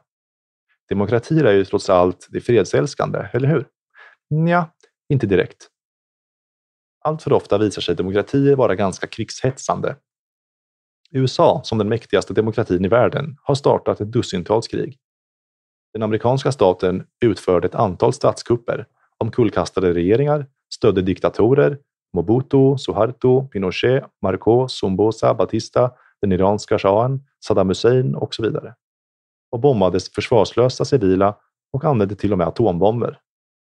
I dagsläget har USA soldater på mer än 700 militärbaser i över 100 länder och spenderar ungefär lika mycket på försvar som resten av världen tillsammans. Demokratiska Storbritannien uppfann koncentrationsläger i Sydafrika och var det första landet som undertryckte nationalistiskt motstånd i sina kolonier genom flygbombningar, vilket förstörde hela byar i Irak på 1920-talet. Det demokratiska brittiska imperiet undertryckte ett antal självständighetsrevolter i sina kolonier, som i Afghanistan, Indien och Kenya. Direkt efter att de hade befriats från nazisterna av de allierade förde det demokratiska Holland ett krig i Indonesien mot folk som vill ha självständighet. Frankrike gjorde samma sak i Indokina. Demokratiska länder som Belgien och Frankrike har fört många smutsiga krig i Afrika, exempelvis i belgiska Kongo och Algeriet. USA krigar för närvarande i Irak och Afghanistan, vilket åtföljs av tortyr och tusentals oskyldiga offer. En variation av denna myt påstår att demokratier inte krigar med varandra. Den tidigare brittiska premiärministern Margaret Thatcher sa detta under ett besök i Tjeckoslovakien 1990. Demokratier krigar inte med varandra. Och Bill Clinton sa det i ett samtal till den amerikanska kongressen 1994. Demokratier attackerar inte varandra. Detta implicerar att alla krig som demokratier har fört har varit mer eller mindre rättfärdiga eftersom det inte fördes mot andra demokratier och att om hela världen vore demokratisk skulle det inte finnas några krig. Nu är det förvisso sant att ett stort antal västerländska länder, som också råkar vara demokratier, sedan andra världskriget har gått samman i Nato och visat väldigt små tendenser att attackera varandra. Men det betyder inte att detta har något med demokrati att göra eller att demokratier historiskt sett har varit fredliga mot varandra. I det antika Grekland stred de demokratiska stadsstaterna regelbundet mot varandra. 1898 krigade USA och Spanien. Det första världskriget fördes mellan ett Tyskland som var precis lika demokratiskt som Storbritannien och Frankrike. Demokratiska Indien och Demokratiska Pakistan har krigat ett flertal gånger sedan 1947. USA stödde antidemokratiska statsgrupper mot demokratiskt valda ledare i Iran, Guatemala och Chile.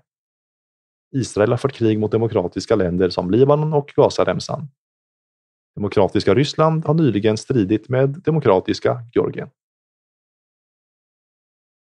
Orsaken till att moderna västerländska demokratier inte krigar mot varandra efter andra världskriget har att göra med väldigt specifika historiska omständigheter och det är svårt att dra några generella slutsatser baserat på detta. Den mest avgörande orsaken är att de har gått sig och bildat en militär allians, Nato. Det finns också en lag som påstår att inga två länder som båda har en McDonalds-restaurang har någonsin krigat mot varandra.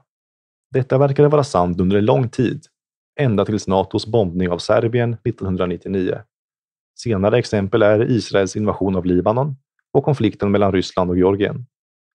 Men det betyder precis lika lite som Clintons och Thatchers påståenden. Man skulle till och med kunna argumentera för att demokrati har lett till att krigsföring har intensifierats. Innan demokrati blev populärt, ända till 1700-talet, krigade kungar med arméer som bestod av legosoldater. Det fanns ingen värnplikt och folket behövde inte kriga mot eller hata andra nationer. I samband med de nationaldemokratiska staternas uppgång förändrades allt detta. I alla de demokratiska länderna infördes allmän värnplikt, med början i franska revolutionen Hela befolkningen mobiliserades för att föra krig mot folk i andra länder. Värnpliktiga kunde enkelt användas som kanonmat eftersom de kunde ersättas av nya värnpliktiga. Det må verka orättvist att likställa demokrati med nationalism. Men det finns en orsak till att dessa två idéer blev populära samtidigt. Demokrati betyder folkstyre och denna uppfattning har givetvis sina nationalistiska tendenser. Med demokratiska rättigheter kommer demokratiska skyldigheter. Du har rösträtt och därför en skyldighet att strida för att försvara ditt land. Låt oss inte glömma att det katastrofala första världskriget som öppnade vägen för 1900-talets totalitära stater och det andra världskriget i stor omfattning utfördes av demokratiska eller semidemokratiska länder. Det första världskriget ägde rum i Europa efter att den demokratiska nationalismen i stor omfattning hade tryckt tillbaka det klassiska liberala tänkandet. I USA var det också de progressiva demokraterna som började dominera den allmänna opinionen i slutet av 1800-talet som verkade för krig. USA deltog i det första världskriget under president Wilsons kända slogan att göra världen säker för demokrati. Om amerikanerna hade varit trogna grundarnas libertarianska isolationistiska principer hade USA aldrig gått med i första världskriget. Då hade kriget sannolikt slutat utan en klar vinnare och de allierade hade då inte kunnat tvinga på Tyskland det väldigt betungande Versaillesfördraget. Hitler kanske aldrig hade kommit till makten och det andra världskriget och förintelsen hade aldrig inträffat. Demokrati för inte nödvändigtvis med sig mer transparens eller ansvar heller, som så ofta påstås. Det faktum att politiker behöver röster för att kunna väljas uppmuntrar till korruption. De måste göra något för väljarkåren för att vinna deras röster. Denna sorts korruption är särskilt utbredd i USA, valfläskets hemland. Amerikanska politiker är ofta villiga att göra vad som helst för att få federala pengar eller program till sin stat eller sitt distrikt. Vidare tenderar de att vara brickor i ett spel som utförs av mäktiga lobbyorganisationer som bidrar med de pengar som krävs för deras kostsamma kampanjer. I tillägg till detta har Washingtons svängdörrar blivit beryktade, där mäktiga människor byter från politik till näringslivet eller militären och tillbaka igen, utan några som helst samvetsbetänkligheter. Andra demokratiska länder uppvisar liknande former av korruption. I utvecklingsländer går nästan alltid demokrati hand i hand med korruption. Detsamma gäller för länder som Ryssland, Italien, Frankrike och Grekland. Korruptionen är nästan oundviklig när staten har en massa makt, oavsett vilket det politiska systemet är. Och det gäller absolut även vid demokrati.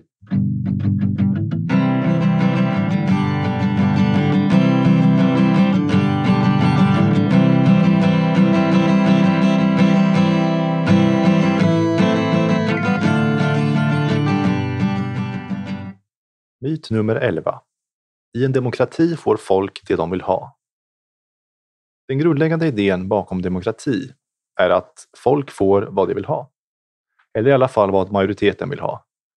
Med andra ord kan vi förvisso klaga på resultatet av vårt demokratiska system. Men i grund och botten är det som vi har nu det vi vill ha. Eftersom vi har valt det på demokratisk väg. I teorin låter det bra, men verkligheten är annorlunda. Till exempel kan vi anta att alla är för bättre utbildning.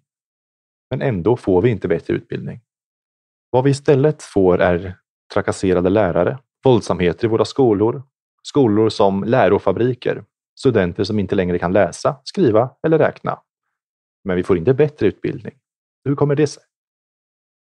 Det är inte på grund av en brist på demokrati.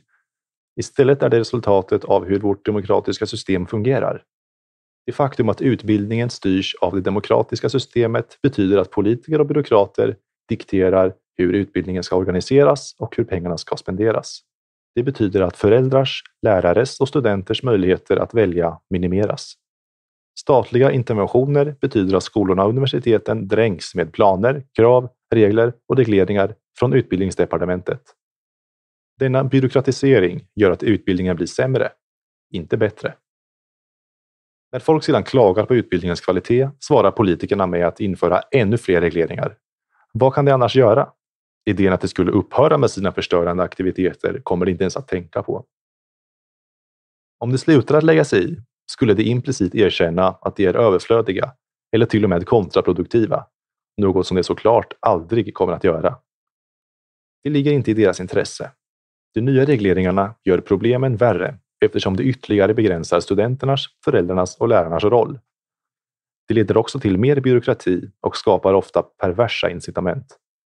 Till exempel tvingade byråkrater de holländska skolorna att lära ut ett visst antal timmar, skenbart för att säkerställa utbildningens kvalitet. Men detta gjorde inget åt en brist på lärare som skolorna led av, så skolorna tvingades att hålla kvar sina elever i klassrummen i timmar helt sysslolösa. Att staten försöker använda sig av siffror då den styr är föga förvånande. Från avstånd är kvantitet det enda som du kan mäta. Kvalitet är endast synligt för de som är direkt involverade. Det demokratiska systemet kan jämföras med statliga fabriker i före detta Sovjetunionen. Dessa kontrollerades centralt och styrdes helt på siffergrund. Trots, eller snarare på grund av, all den statliga omsorgen var produktionskvaliteten låg. Ingen kommunistisk bil kunde konkurrera med västerländska modeller. Orsaken till detta var att produktionen kontrollerades av byråkrater och inte konsumenter. Hur är det möjligt för byråkrater att veta vad konsumenterna vill ha? Och vilka incitament har det till att förbättra sig? Den centralplanerade sovjetiska staten förde med sig ytterst lite teknologisk eller kulturell innovation. Hur många uppfinningar kommer från kommunistiska länder? Kvalitet och innovation är resultat av konkurrens och valfrihet, inte central kontroll och statligt tvång. Om privata företag vill överleva måste de konkurrera genom att sänka sina priser så mycket som möjligt eller genom att innovera, skapa produkter av bättre kvalitet eller genom att erbjuda bättre tjänster. Statsägda företag har inga sådana incitament eftersom de bärs upp av statliga pengar. Eftersom vårt utbildningssystem organiseras av det demokratiska systemet är det en statsprodukt, vilket gör den jämförbar med de statsägda fabrikerna i det forna Sovjetunionen. Förresten visar detta exempel hur demokrati i längden oundvikligen leder till en grad av socialism. Den fria marknaden fungerar inte genom demokratiska processer. Men på ett sätt är en fri marknad mer demokratisk än en demokrati eftersom medborgarna kan göra sina egna val istället för att staten väljer åt dem. Det som gäller för en utbildning gäller också för andra sektorer som står under demokratisk kontroll. Som sjukvård och brottsbekämpning. De flesta människor vill ha bättre skydd mot brott. Men demokrati levererar inte vad folket vill ha. Folk röstar på politiker som lovar att de ska bekämpa brott, men resultatet är vanligtvis mer osäkerhet och brott istället för mindre. I Holland ökade brott per capita sexfaldigt mellan 1961 och 2001 och varje år förblir 700 000 rapporterade brott outredda. I många av dessa fall, i alla fall 100 000, vet polisen vem förövaren är, men de följer inte upp fallet eftersom de inte har tid eller helt enkelt inte bryr sig. Poliser måste ägna större delen av sin tid med pappersarbete. Ändå har de tid att stänga ner marijuanaodlare och böta folk för mindre trafikbrott. Polisens dåliga prestation är det direkta resultatet av det faktum att den är demokratiskt kontrollerad. Polisen har tilldelats ett monopol på brottsbekämpning. Alla förstår att om Exxon Mobil tilldelades ett monopol på oljemarknaden skulle bensinpriset skjuta i höjden och tjänstekvaliteten falla. Samma gäller för polisen. Polisen är en organisation som får mer pengar ju färre brottslingar de fångar. Om polisen framgångsrikt minskade brottsligheten skulle deras budget minskas och poliser skulle förlora sina jobb. Samma gäller för alla statliga organisationer. Man kan inte ens skylla på det som arbetar i systemet. Endast de mest arbetsamma och mest moraliskt rättframma skulle agera annorlunda, givet systemets perversa incitament. Även om polisen inte är särskilt bra på att fånga brottslingar är de väldigt bra på en annan sak, att fylla i formulär. Alla som någonsin har rapporterat ett brott kan vittna om detta. Man kan inte lägga skulden på dem dock. De bombarderas hela tiden med nya regler som de måste följa. Av de 7000 ytterligare poliser som började jobba i Holland mellan 2005 och 2009 hamnade endast 127 stycken på gatorna. Enligt polisen själv var detta ett resultat av den gigantiska byråkratiska arbetsbörda som de statliga regleringarna hade skapat. För att göra saken ännu värre får polisen allt mer, snarare än mindre, befogenheter. Det är särskilt sant i USA efter attackerna den 11 september. Brottsbekämpande organisationer har tilldelats allt mer tvivelaktiga befogenheter som preventiva kroppsvisitationer på flygplatser, rätten att avlyssna telefonsamtal, tortyr av misstänkta terrorister och rätten att bortse från det medborgarrättsliga skydd som brukades tas för givna i vårt rättssystem, som frihet från godtycklig häktning. Finns det något alternativ till denna toppstyrda säkerhet som påtvingats oss? Givetvis. Alternativet är att ge individer, företag, grannar och städer mer kontroll över sin egen säkerhet. Det statliga polismonopolet borde avskaffas och beredas väg för konkurrens mellan säkerhetsföretag. Folk skulle inte längre tvingas att betala skatt för den statliga polisen, utan istället kunna hyra privata säkerhetsföretag. Det skulle minska priserna och öka kvaliteten. Till och med idag växer sektorn för privat säkerhet snabbt eftersom folk i allt större grad inser att de inte kan lita på att polisen kommer att skydda dem. Det som gäller för utbildning och polisen gäller också för andra offentliga sektorer, som sjukvård. Återigen ser vi att demokratisk kontroll leder till låg kvalitet och höga kostnader. Man kan endast försöka föreställa sig den innovation som skulle resultera om sjukvården blev en del av den fria marknaden. Faktum är att folk vanligtvis inte får vad de vill ha i en demokrati. Den demokratiska one size fits all-principen leder till centralisering, byråkrati och monopolisering, socialismens kännetecken. Det leder oundvikligen till låg kvalitet och höga kostnader. Om du behöver bevis för att demokrati inte lever upp till sina löften, beakta då det faktum att politiker i varje val erkänner att saker och ting har gått fel. Varenda gång lovar de att de kommer att förändra allt. Utbildning, säkerhet, sjukvård och så vidare till det bättre. Men det erbjuder alltid samma lösning. Ge oss mer pengar och mer makt så kommer vi att fixa problemen. Detta inträffar såklart aldrig eftersom problemen skapas av samma politikers pengar och makt.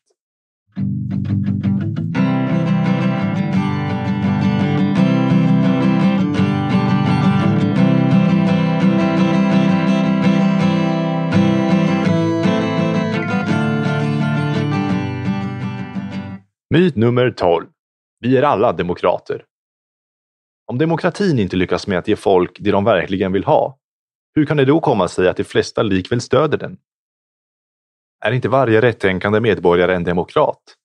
Även om man emellanåt klagar lite på staten? Nåväl, det kan diskuteras. Huruvida folk verkligen tror på något beror inte på vad de säger, utan på vad de gör när de är fria att välja. Om någon tvingas äta kyckling varje dag och säger att han älskar kyckling är det inte särskilt övertygande. Det är endast övertygande om man har valet att inte äta kyckling. Detsamma gäller för demokrati.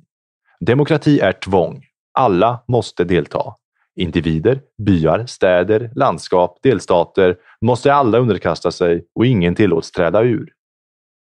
Skulle folk flytta till en annan stad som ligger 30 kilometer bort om den hade lägre skatter och mindre inskränkande byråkrati, även om det inte tilläts rösta där? Många skulle säkert göra det. Många människor röstar redan idag med sina fötter och flyttar till rika regioner över hela världen där det finns väldigt lite demokrati, eller till och med ingen alls. Den som i en demokrati säger att han stödjer demokrati låter som en medborgare i forna Sovjetunionen som säger att han hellre skulle köpa en lada även om han hade möjligheten att köpa en Chevrolet eller Volkswagen. Är det möjligt? Ja, visst, men inte sannolikt. Precis som den sovjetiska medborgaren som inte hade något val annat än att köpa en lada har vi inget val förutom demokrati.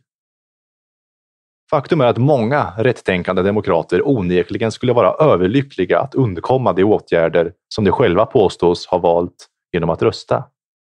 Om de hade ett val, skulle folk verkligen frivilligt betala sin socialförsäkringsskatt till staten utan att veta om staten infriade sina löften när de pensionerade sig? Hur många starttjänster av låg kvalitet och höga priser skulle de frivilligt välja att betala för om de själva kunde välja hur de ville spendera sina pengar?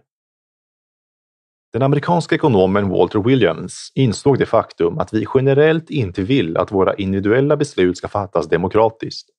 Han skrev för att visa på hur anstötligt demokrati och majoritetsstyre är för frihet behöver du bara fråga dig själv hur många av dina livsbeslut som du önskar fattas på demokratisk väg. Vad sägs om vilken bil du kör, var du bor, vem du gifter dig med, om du ska ha kalkon eller skinka på julbordet? Om dessa beslut fattas på demokratisk väg skulle det inte upplevas som personlig frihet, utan som tyranni. Är det inte precis lika mycket tyranni att på demokratisk väg bestämma om du ska köpa en sjukförsäkring eller lägga undan pengar till pensionen? Både för oss själva och för våra medmänniskor över hela jorden borde vi förespråka frihet. Inte den sortens demokrati som vi idag, där kongressen kan göra vad som helst om den får en majoritet bakom sig. Det faktum att många demokratianhängare i själva verket inte alls tror på de idéer som de förespråkar blir uppenbart då vi tittar på demokratiska politikers och statstjänstemäns skenheliga beteende. Allt för ofta lever de inte som de lär. Tänk på de socialistiska politiker som kritiserar företagsledares höga löner och som sedan börjar jobba inom näringslivet då de drar sig tillbaka från politiken. Eller de politiker som förespråkar multikulturalismens välsignelser men som lever i helt vita grannskap och som skickar sina barn till vita skolor. Eller politiker som röstar för krig men som aldrig skulle kunna tänka sig att skicka sina egna barn för att utkämpa dem. Det finns flera orsaker till att folk påstår sig stödja demokratin, även om deras beteende visar motsatsen. Först och främst är det förståeligt att folk tillskriver det nuvarande politiska systemet vårt relativa välstånd. Vi har det ganska bra och vi lever i en demokrati. Således måste demokrati vara ett bra system, resonerar de. Men detta är felaktigt. Jämför det med vad vissa apologeter för Sovjetunionen sa om Lenin och Stalin. Visst, dessa diktorer må ha begått illdåd, men folk borde ändå vara tacksamma eftersom Sovjetunionen under deras styre industrialiserades och alla försågs med elektricitet. Men Ryssland skulle ändå ha elektrifierats och industrialiserats under 1900-talet, även om varken Lenin eller Stalin hade funnits. På liknande sätt kan inte det framsteg som har åstadkommits i vårt samhälle tillskrivas vårt politiska system. Titta på Kina. Den kinesiska ekonomin har växt otroligt snabbt, men landet är inte en demokrati.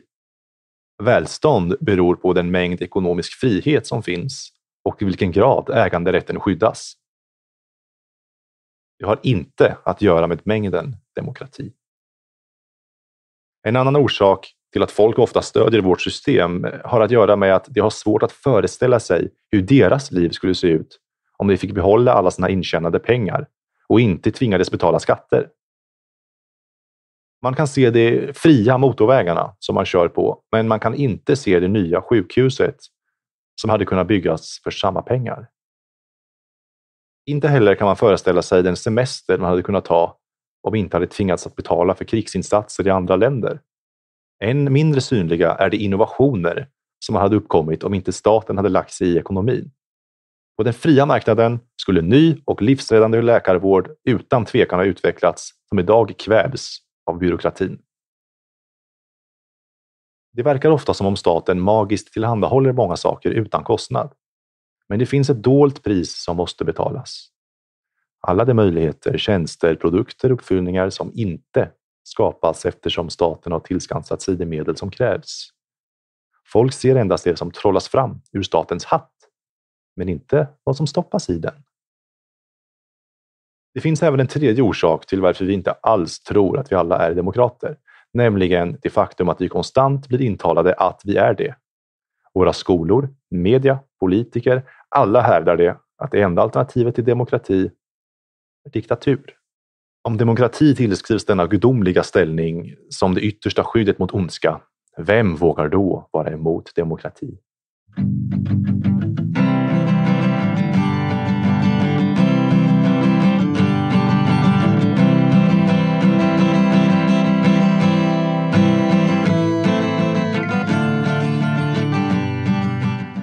Myt nummer 13. Det finns inget bättre alternativ. Om du säger att du är emot demokrati tror folk omedelbart att du är för diktatur. Men det är nonsens. Diktatur är inte det enda alternativet till demokrati. Alternativet till att köpa en bil på demokratisk väg är inte att en diktator köper bilen åt dig, utan att du köper den själv. Winston Churchill sa en gång Demokrati är den sämsta styrelseformen som har prövats, bortsett från alla de övriga formerna som prövats. Med andra ord har demokratin sina problem, men det finns inget bättre system. I sin välkända bok Historiens slut och den sista människan skrev Francis Fukuyama till och med att den västerländska liberala demokratin var det mänskliga styrelseskickets slutgiltiga form. Tydligen kunde inget bättre existera. På detta sätt förhindrades all kritik av demokrati i ett tidigt stadie.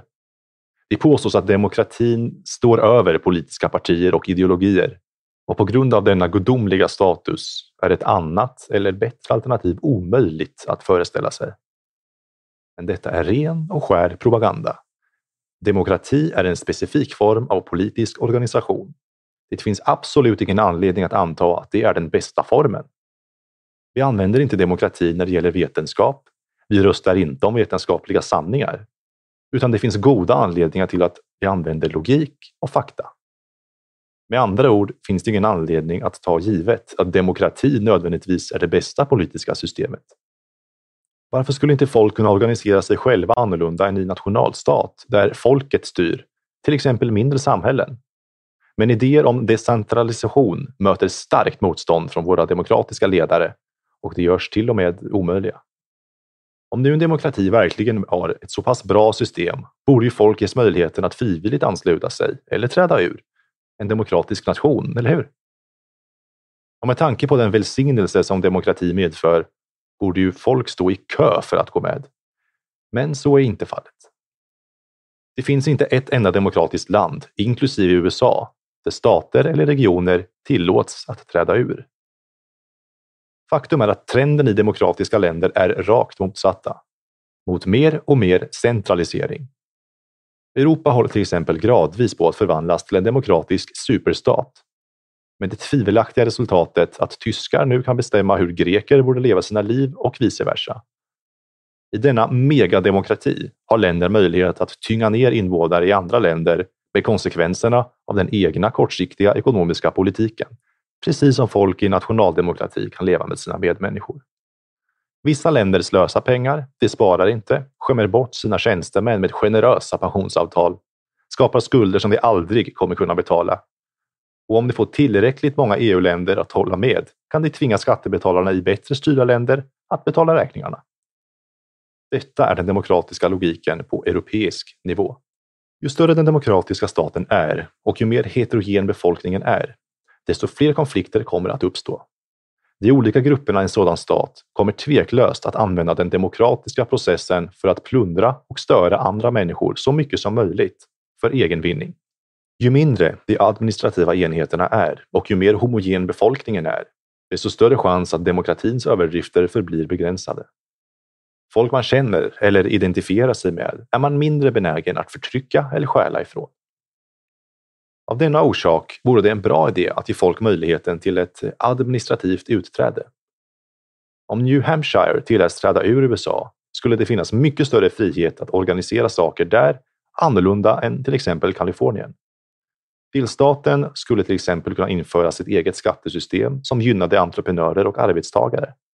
Regioner skulle konkurrera med varandra och lagar skulle hamna mer i linje med vad folk verkligen ville. Folk skulle rösta med sina fötter genom att flytta till en annan stat. Regerandet skulle bli mer dynamiskt och mindre byråkratiskt. Regioner skulle lära sig av varandra eftersom de har bättre möjlighet att experimentera med olika sorters politik. Välfärd för de fattiga skulle till exempel kunna organiseras bättre på lokal nivå. Lokal kontroll förhindrar missbruk och det är den bästa garantin för att de som verkligen behöver hjälp får det och att pengarna inte slösas på snyltare. Nedmonterandet av den nationaldemokratiska välfärdsstaten är också viktig för att kunna uppnå en lyckosam integration av minoriteter. I dagsläget försörjs många invandrare av välfärdsstaten. Det är den typen av invandrare som folk inte vill ha. Men de flesta har inget emot invandrare som kan ta hand om sig själva och som är villiga att smälta in. Förresten sa Churchill också att det bästa argumentet mot demokrati är ett fem minuters långt samtal med genomsnittsväljaren.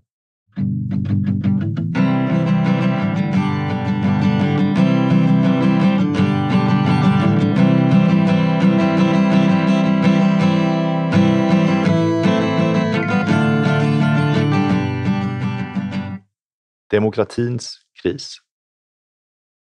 Demokratin kanske startade som ett fantastiskt ideal för att göra folket starkare. Men efter att ha praktiserats i 150 år kan vi se resultatet och det är inte positivt. Det är nu tydligt att demokratin är en tyrannisk och inte en befriande kraft. Västerländska demokratier har följt de socialistiska ländernas väg och har stagnerat, korrumperats, byråkratiserats och blivit förtryckande. Som jag försökt att visa tidigare har detta inte hänt för att det demokratiska idealet har korrumperats, utan snarare på grund av att idealet inneboende kollektivism. Om du vill veta hur demokrati verkligen fungerar, tänk då på följande exempel. George Papandreou, den grekiska socialistiska politikern, vann valet i sitt hemland 2009 med en enkel slogan. Det finns pengar! Hans konservativa motståndare hade minskat de statsanställdas löner samt minskat de offentliga utgifterna. Papandreou sa att detta inte behövdes. Lefta Jeparchun var hans stridsrop. Det finns pengar. Han vann enkelt valet. I verkligheten fanns det såklart inga pengar, eller snarare pengarna var tvungna att komma från skattebetalare i andra europeiska länder. Men majoriteten har alltid rätt i en demokrati och när folk upptäcker att de kan rusta sig till rikedomar kommer de oundvikligen att göra så. Att förvänta sig något annat eh, av dem är naivt. Vad det grekiska exemplet också visar är att folk i en demokrati naturligt ser till staten för att bli omhändertagna. Demokratiskt styre betyder statligt styre. Resultatet blir att folk kontinuerligt kommer att ställa krav på staten. Det kommer att bli mer och mer beroende av att staten löser deras problem och styr deras liv. Oavsett vilka problem de stöter på förväntar de sig att staten ska lösa det. Fetma, missbruk, arbetslöshet, för få lärare, för få sjuksköterskor, färre museibesökare. Oavsett vad det rör sig om så finns staten där för att åtgärda problemet. Oavsett vad som händer, en brand i en biosalong, en flygplanskrasch, ett barslagsmål, så förväntar sig att staten jagar tag i skyldiga och försäkrar att något liknande aldrig händer igen. Om folk råkar vara arbetslösa förväntar de sig att staten skapar jobb. Om bensinpriset går upp vill de att staten ska göra något åt det. På Youtube finns en video som visar en intervju med en kvinna som precis har lyssnat på ett tal med president Obama och hon närpå gråter av lycka. Hon utropar att hon inte längre måste oroa sig för att betala för sin bensin eller betala på sina lån. Det är denna typ av mentalitet som demokrati föder. Och politiker är såklart villiga att ge folk vad de kräver. Det är som personen som endast har en hammare och som överallt ser en spik som måste spikas ner. På samma sätt ser de själva som fixare av samhällets alla problem. Trots allt är det ju orsaken till att jag valts. Det lovar att det kommer att skapa jobb, sänka räntan, öka folks köpkraft, göra det möjligt för även de fattigaste att äga ett hem, förbättra utbildningen, bygga lekplatser och fotbollsplaner till barnen, säkerställa alla att produkter och arbetsplatser är säkra, bidra med bra och billig sjukvård till alla, avskaffa bilköer, brott och vandalism, försvara våra nationella intressen i resten av världen, upprätthålla internationell lag över hela jordklotet, förespråka frigörelse, kämpa mot diskriminering, säkerställa att maten är säker och vattnet är rent, rädda klimatet, göra landet till det renaste, grönaste och mest framstegsvänliga landet i världen samt befria planeten från hunger. Det vill uppfylla alla våra drömmar och krav, skydda oss från vaggan till graven, säkerställa att vi är lyckliga och nöjda från tidig morgon till sent på kvällen, och såklart skära i budgeten och minska skatterna. Detta är de drömmar som demokratin är gjord av. De demokratiska synderna. Det är uppenbart att detta aldrig kan fungera. Staten kan inte uppnå allt detta. Till slut kommer politiker att göra det enda som de kan göra, vilket är 1. Att ösa pengar på problemet. 2. Hitta på nya regler och regleringar. 3 starta kommittéer och övervaka hur de implementerar reglerna. Det finns egentligen inget annat de kan göra som politiker. De kan inte ens betala för sina egna aktiviteter, utan det lämnas över till skattebetalarna att ta hand om. Du kan se konsekvenserna av detta system runt dig varje dag. Byråkrati. Överallt har demokratin skapat en omfattande byråkrati som styr våra liv med ökande godtycklig makt. Eftersom det är staten kan det säkerställa att det skyddas mot den hårda ekonomiska verkligheten som resten av oss ställs inför. Deras myndigheter kan aldrig gå i konkurs. De själva kan knappast få sparken. De har sällan problem med lagen eftersom de själva är lagen. Samtidigt lägger de tung börda på resten av oss med sina regler och regleringar. Överallt hindras nya företag av lagar och byråkratiska kostnader som tvingas på dem. Befintliga företag lider också av byråkratins tyngd i USA uppstiger kostnaden för alla regleringar till 1,75 miljarder dollar per år, enligt en artikel på Wikipedia. De fattiga och lågutbildade lider allra mest av detta system. De kan inte hitta jobb eftersom de är för dyra för marknaden på grund av minimilöner och andra lagar som driver upp kostnaden för arbete. Det är även väldigt svårt för dem att starta egna företag eftersom de inte vet hur man ska navigera den byråkratiska djungeln. Parasitism i tillägg till alla byråkrater och politiker finns det en annan grupp människor som klarar sig bra i det demokratiska systemet. De som har företag och institutioner vars existens möjliggörs av statlig frikostighet eller särskilda privilegier. Ta till exempel det militärindustriella komplexet och banker och de finansiella institutioner som stöttas upp av den amerikanska centralbanken. Men det gäller även de människor i de subventionerade sektorerna. Kulturinstitutioner, statstelevision, biståndsorgan, miljögrupper och så vidare. För att inte nämna hela den cirkus som vi kallar internationella institutioner. Många av dessa människor har lukrativa jobb som de fått tack vare sina nära relationer med staten och statliga myndigheter. Detta är en form av internationell parasitism som gynnas av vårt demokratiska system. Storhetsvansinne. Frustrerade av sin oförmåga att verkligen förändra samhället sjösätter staten regelbundet megaprojekt för att hjälpa till att rädda en industrisektor på fallrepet eller för att tjäna något annat nobelt syfte. Oundvikligen kommer sådana handlingar enbart att resultera i ännu mer problem och det kostar alltid mycket mer än planerat. Tänk på utbildningsreformerna. Sjukvårdsreform, infrastrukturprojekt och annan nonsens som etanolprogrammet i USA eller Europas vindkraftprojekt. Man kan även se på krig som offentliga projekt som företas av staten för att styra bort uppmärksamheten från inhemska problem. Ge staten mer folkligt stöd, skapa jobb för underklassen och ger direkt och omfattande vinster till favoriserade företag som i sin tur sponsrar politikernas omvalskampanjer och erbjuder jobb för samma politiker då de blir utkastade från sitt offentliga ämbete. Det är knappast nödvändigt att påpeka att politiker aldrig själva deltar i det krig de startar. Välfärdspolitik de politiker som utnämns till att bekämpa fattigdom och ojämlikhet upplever det naturligt som sin heliga uppgift att kontinuerligt introducera nya välfärdsprogram och nya skatter för att betala den. Detta tjänar inte bara deras egna intressen, utan de byråkrater som får ansvar för att implementera dem gynnas också. Välfärd tar nu upp en ansenlig del av det statliga spenderandet i de flesta demokratiska länder. I England spenderar staten en tredjedel av sin budget på välfärd. I Frankrike och Italien närmar sig denna siffra 40 procent. Många samhälleliga organisationer som fackföreningar, statliga pensionsfonder, statliga arbetsförmedlingar har ett egenintresse i att behålla och expandera välfärdsstaten. Det är typiskt för det sätt som den demokratiska staten fungerar att den inte erbjuder något val och inte ingår i kontrakt med sina invånare.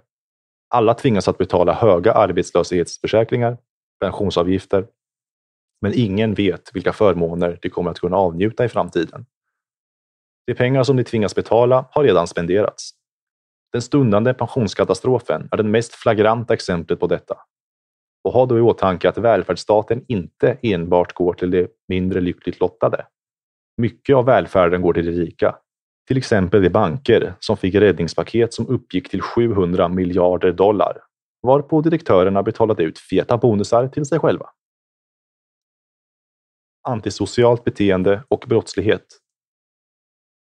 Den demokratiska välfärdsstaten uppmuntrar till oansvarigt och antisocialt beteende. I ett fritt samhälle kommer folk som missköter sig, inte upprätthåller sina löften eller agerar utan hänsyn till andra att förlora stödet ifrån sina vänner, sin familj och sitt grannskap. Men vår välfärdsstat säger till dem. Om ingen vill hjälpa dig längre så kommer vi att göra det. Således belönas folk för sitt antisociala beteende. Eftersom de är vana vid att staten tillhandahåller allt som de behöver utvecklar de mer och mer en snyltarmentalitet och vill inte arbeta för pengar. För att göra det ännu värre bidrar en rigid arbetslagstiftning och även antidiskrimineringslagstiftning till att arbetsgivare får svårare att göra sig av med anställda som inte längre presterar tillfredsställande. På samma sätt gör statliga regleringar det nästintill omöjligt att göra sig av med studenter eller sparka lärare som missköter sig eller som underpresterar. I allmännyttiga bostäder är det nästan omöjligt att vräka någon som är till obehag för sina grannar. Grupper som missköter sig själva på nattklubbar kan inte nekas inträde på grund av antidiskrimineringslagstiftning. Till råga på allt sätter staten ofta upp dyra stödprogram för antisociala grupper, vilket gör att brottsligheten belönas och uppmuntras. Medelmåttighet och lägre standarder. Eftersom majoriteten i alla samhällen tenderar att vara fattigare än de mer framgångsrika och kompetenta samhällsmedborgarna finns det oundvikligen ett tryck på demokratiska politiker att omfördela välstånd. Att ta från de rika och ge till de fattiga. På detta sätt bestraffas framgång och överlägsenhet genom en progressiv beskattning. Således kan vi i en demokrati förvänta oss att befolkningen blir dummare och att den allmänna kulturella standarden sjunker. Varhelst majoriteten styr blir medelmåttan norm. Missnöjeskultur.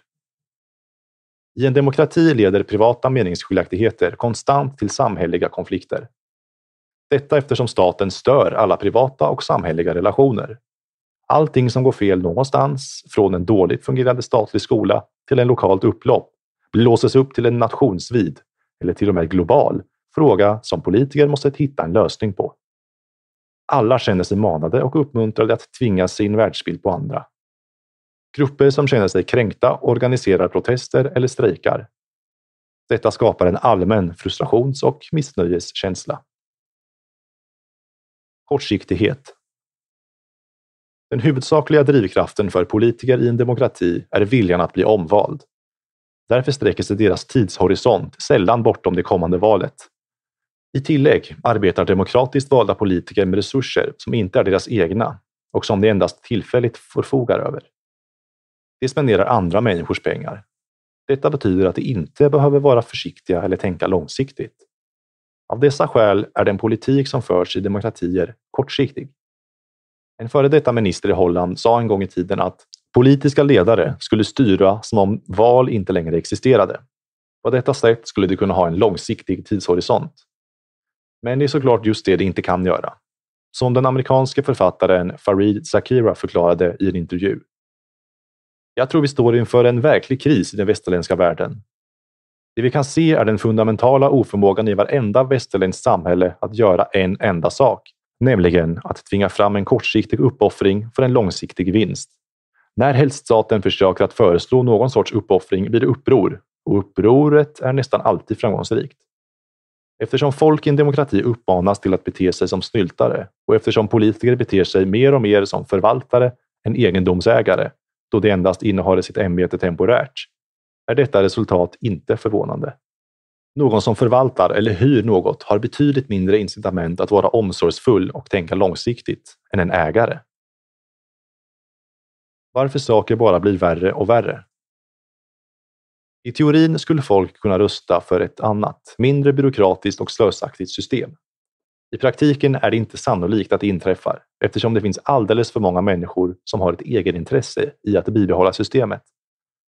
Och medan staten långsamt växer sig allt större växer sig dessa grupper med den.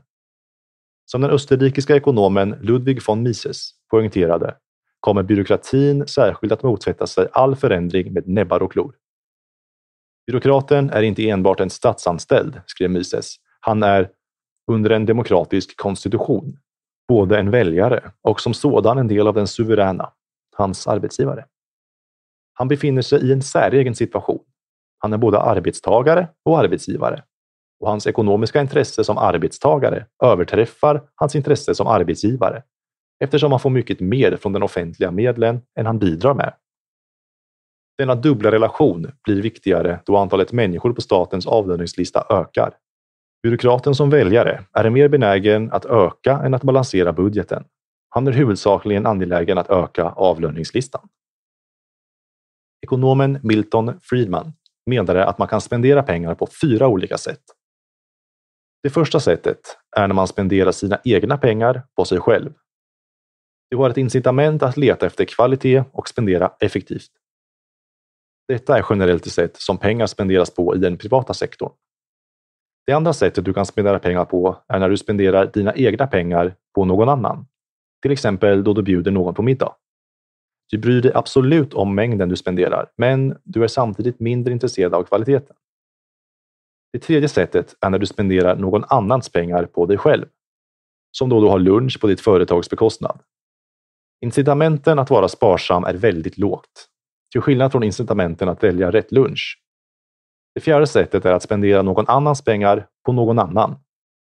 I detta fall har du inget skäl att bry dig om varken sig kvaliteten eller kostnaden. Det är generellt på detta sätt som staten spenderar dina skattepengar. Politiker hålls sällan ansvariga för de åtgärder som de har infört och som det visar sig vara skadliga i det långa loppet. De får beröm för sina goda avsikter och de initialt positiva resultaten. De negativa konsekvenserna som framstår långt senare till exempel skulder som måste återbetalas, blir de efterföljandes ansvar. Politiker har dessutom väldigt lite incitament att arbeta för program som kommer att leda till resultat först då de lämnat sitt ämbete, eftersom andra kommer att få beröm för detta. Således spenderar demokratiska stater oundvikligen mer än de erhåller. De löser detta genom att höja skatter, eller till och med ännu bättre, eftersom skatten tenderar att hatas av de som måste betala den, genom att låna pengar eller helt enkelt trycka upp dem. Värt att notera är att de tenderar att låna från favoriserade banker, som sedan räddas av staten om de skuldsätter sig allt för mycket. De skär sällan i sin egen budget. När det talas om nedskärningar innebär detta inte sällan en minskning av spenderadets ökning. Tryckandet av pengar leder såklart till inflation, vilket betyder en konstant värdeminskning av folks besparingar. Att låna pengar innebär att statsskulden ökar och leder till att senare generationer måste betala av räntan. Idag är statsskulden i nästan alla världens demokratier så hög att det är osannolikt att det någonsin kommer att kunna betalas tillbaka. Vad än värre är att institutioner som pensionsfonder har redan köpt statsskuld under förutsättningen att detta skulle vara en långsiktigt bra investering. Detta är ett fruktansvärt skämt. Många människor kommer aldrig att se röken av den pension som de räknade med eftersom de pengar de tvingas betala redan har slösats bort. Men trots alla dessa problem som demokratin för med sig fortsätter vi att hoppas och tro att allting kommer att förändras efter nästa val. Vi är fast i en ondskefull cirkel. Systemet håller inte vad det lovar. Folk blir frustrerade och kräver förbättringar. Politiker lovar allt mer. Förväntningarna blir allt högre. Den oundvikliga besvikelsen likaså och så vidare. Medborgarna i en demokrati är som alkoholister som behöver dricka allt mer för att bli fulla, vilket varje gång resulterar i en allt värre baksmälla. Istället för att dra slutsatsen att de borde spola kröken vill de bara ha mer. De har helt och hållet glömt bort hur man tar hand om sig själva och har inte längre kontroll över sina liv. Varför vi behöver mindre demokrati. Frågan är hur länge denna situation kan fortsätta, givet det samhälleliga missnöjet och den politiska och ekonomiska instabiliteten. Många människor inser att det är något fel på systemet. Politiker och opinionsledare klagar på det fragmenterade politiska landskapet, väljarkårens nyckfullhet, medias ytlighet och sensationsmakeri. Medborgarna klagar på att politikerna inte lyssnar på dem, att det inte håller vad det lovat och att det politiska systemet är en charad och ett hån. Men de skyller problemen på fel politiker eller på sidofrågor som invandring eller globalisering. Inte på det demokratiska systemets inneboende brister. Just nu vet ingen vart vi ska ta vägen. Alla är fast i det tunnelseende som vi kallar demokrati. Den enda lösningen som folk kan komma på är mer demokrati, det vill säga fler statliga interventioner. Dricker ungdomar för mycket alkohol? Höj åldern för att få köpa alkohol. Förringras de kroniskt sjuka på sjukhemmen? Skicka fler statliga kontrollanter. Uppfinns det för lite? Instifta en statlig innovationsmyndighet. Lär sig barnen för lite i skolan? Tvinga dem att göra fler test? Öka brottsligheten? Skapa en ny myndighet? Reglera, förbjud, tvinga, avskräck, kontrollera, inspektera, skäm bort, reformera och överallt annat ös pengar på problemet. Och vad händer om inget av detta fungerar? Förr eller senare kommer ropen att höras efter en stor ledare. En stark man som ska sätta stopp för allt tjafsande och skapa lag och ordning. Det finns en viss logik i allt detta. Om allting måste regleras av staten, varför då inte låta en välvillig diktator göra det ordentligt istället? Vi blir kvitt det oändliga velandet, obeslutsamheten, tjafsandet, ineffektiviteten. Det är sant att vi skulle få lag och ordning, men på bekostnad av frihet, dynamik och tillväxt. Lyckligtvis finns det en annan väg vi kan välja, även om många människor har svårt att tro det. Den vägen är mindre demokrati, mindre stat, mer individuell frihet. Hur detta libertarianska ideal skulle se ut i praktiken berättar vi i bokens sista kapitel.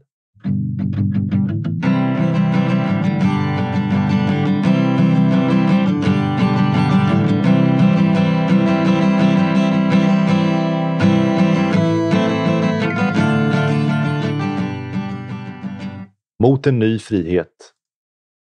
Det är en illusion att tro att problem som vårt samhälle står inför kan lösas med mer demokrati och än mindre att demokrati är det bästa möjliga systemet. Demokratin uppstod i en tid då staten var relativt liten. 150 år av demokrati har dock lett till en enorm statsexpansion i alla demokratiska länder. Det har också lett till en situation där vi inte enbart behöver vara rädda för staten, utan även för våra medmänniskor som är fullt kapabla att förslava oss via valurnan. Men vårt samhälles blinda demokratitro är inte självklar. Den är faktiskt ett relativt nytt fenomen. Det är kanske förvånande för vissa läsare, men USAs grundare, som Benjamin Franklin, Thomas Jefferson och John Adams, var undantagslöst emot demokrati. Demokrati, sa Benjamin Franklin, är två vargar och ett lamm som röstar på vad de ska äta till lunch. Frihet, la han till, är ett välbeväpnat land som motsätter sig omröstningen. Thomas Jefferson sa att demokrati inte var något annat än pöbelstyre, där 51 procent av befolkningen kan avskaffa restens rättigheter. De var knappast ensamma. De flesta klassiskt liberala och konservativa intellektuella under 1700 och 1800-talet, inklusive sådana tänkare som Lord Acton, Alexis de Tocqueville, Walter Bagehot, Edmund Burke, James Fenimore Cooper, John Stuart Mill och Thomas Macaulay motsatte sig demokrati. Den välkända konservativa författaren Edmund Burke skrev jag är säker på att majoriteten i en demokrati är kapabel att utöva ett fruktansvärt förtryck mot minoriteten och att detta förtryck om minoriteten kommer att spridas till och drabba allt fler och bli våldsammare än man någonsin kan föreställa sig. Thomas Macaulay, den kända brittiska liberala tänkaren, uttryckte sig liknande. Jag har länge varit övertygad om att rent demokratiska institutioner förr eller senare förstör friheten, civilisationen eller både och. Dessa idéer var fullkomligt godtagbara på den tiden, något som Erik Ritter von Coinfeld Ledin visar i sin bok Liberty and Equality. Under den senare delen av 1800 och 1900-talet trycktes dock den klassiska liberala idén tillbaka och ersattes med en tro på kollektivism. Uppfattningen att individen är underställd gruppen. Liberalismen ersattes av olika former av kollektivism. Kommunism, socialism, fascism och demokrati. Den senare av dessa former misstar folk nu för tiden för frihet. Men som vi har visat i denna bok är det helt och hållet felaktigt att likställa demokrati med frihet. Precis som klassiskt liberala tänkare i det förflutna förstod är demokrati inget annat än en väldigt smart form av socialism. Det som återstår av vår frihet ska vi tacka det lilla av den klassiska liberala traditionen som fortfarande lever kvar i väst för. Inte demokrati. Den klassiska liberala traditionen är dock under attack. Med varje generation som växer upp med den dagliga demokratiska propagandan, som är överallt runt omkring oss, dör en del av vårt liberala arv. Ingen förvånas längre när kvinnor kräver kvotering för styrelseplatser, när staten förbjuder rökning på barer och restauranger eller när staten bestämmer vad våra barn ska lära sig i skolan. Alla håller kanske inte med om de specifika besluten, men alla upplever det som fullständigt normalt att det är staten som ska bestämma. Det finns knappt någon opposition att tala om som har att göra med att vi lever under ett system som detaljstyr våra liv. Det finns inget principiellt motstånd mot uppfattningen att det ska bestämmas på demokratisk väg hur vi ska leva våra liv. Decentralisering och individuell frihet. Finns det något alternativ till demokrati? Ett samhälle utan stat, utan majoritetsstyre, är ett fritt och samarbetande samhälle. Absolut. Och ett sådant alternativ behövs verkligen om vi inte vill hamna i ett tillstånd av tyranni och stagnation. Den västerländska världen behöver ett nytt ideal. Ett ideal som kombinerar dynamism och individuell frihet med samhällelig harmoni. Ett sådant ideal är inte utopiskt. Det kan uppnås. Det första som måste göras är att minska statens roll. Folk måste åter ta kontroll över sina liv och frukten av sitt arbete. Utan påträngande regler och beskattning kan folk skapa säkrare, drägligare och mer hållbara samhällen. Varför skulle inte folk klara av att spendera sina egna pengar som de själva vill och köpa de försäkringar och den sjukvård eller utbildning som de själva väljer? Vilken hemsk katastrof väntar oss om detta skulle inträffa? Varför ska staten ta folks pengar genom skatter och fatta beslut åt folk? Folk måste återigen ges frihet att välja själva, att lösa sina egna problem på sina egna sätt individuellt eller sannolikt vanligare tillsammans. För utan samarbete är ordning och välstånd omöjligt. Men samarbete kan endast fungera om det är frivilligt och baserat på ömsesidigt samtycke. Folk måste åter ta kontroll över frukten av sitt arbete. De måste ha frihet att skapa sina egna religiösa, kommunistiska, kapitalistiska, etniska och så vidare samfund. Dessa kanske styrs demokratiskt om invånarna vill det, eller inte om de inte vill det. En marknad för styrelseskick. Patrick Friedman, sonson till nobelprisvinnaren Milton Friedman, sa en gång Regerande är en sektor med väldigt hög inträdesbarriär. Faktum är att man måste vinna ett val eller starta en revolution för att få ett annat styrelseskick.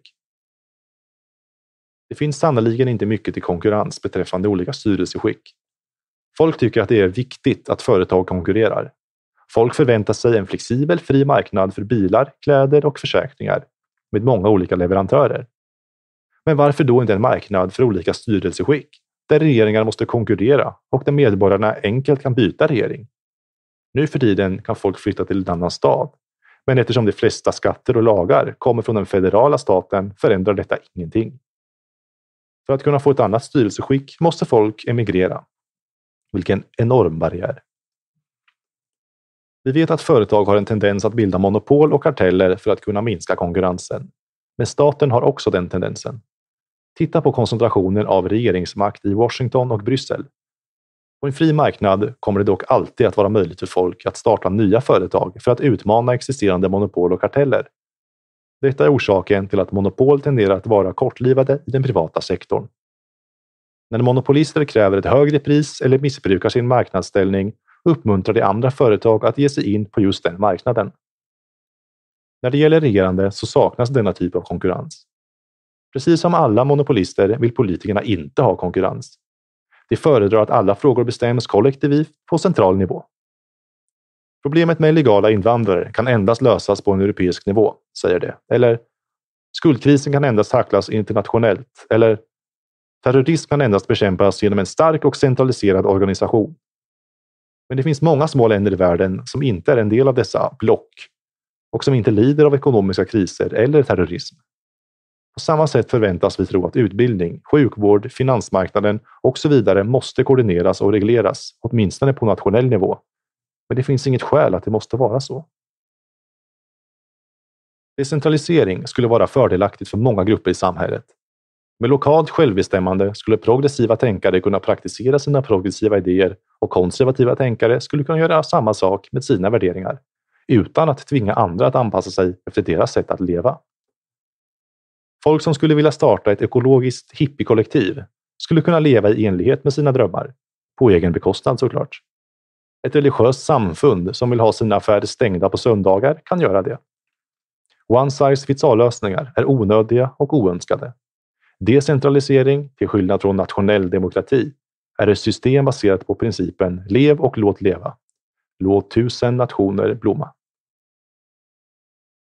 En mångfald av styrelseskick innebär att folk enklare kan bestämma under vilket system de önskar leva.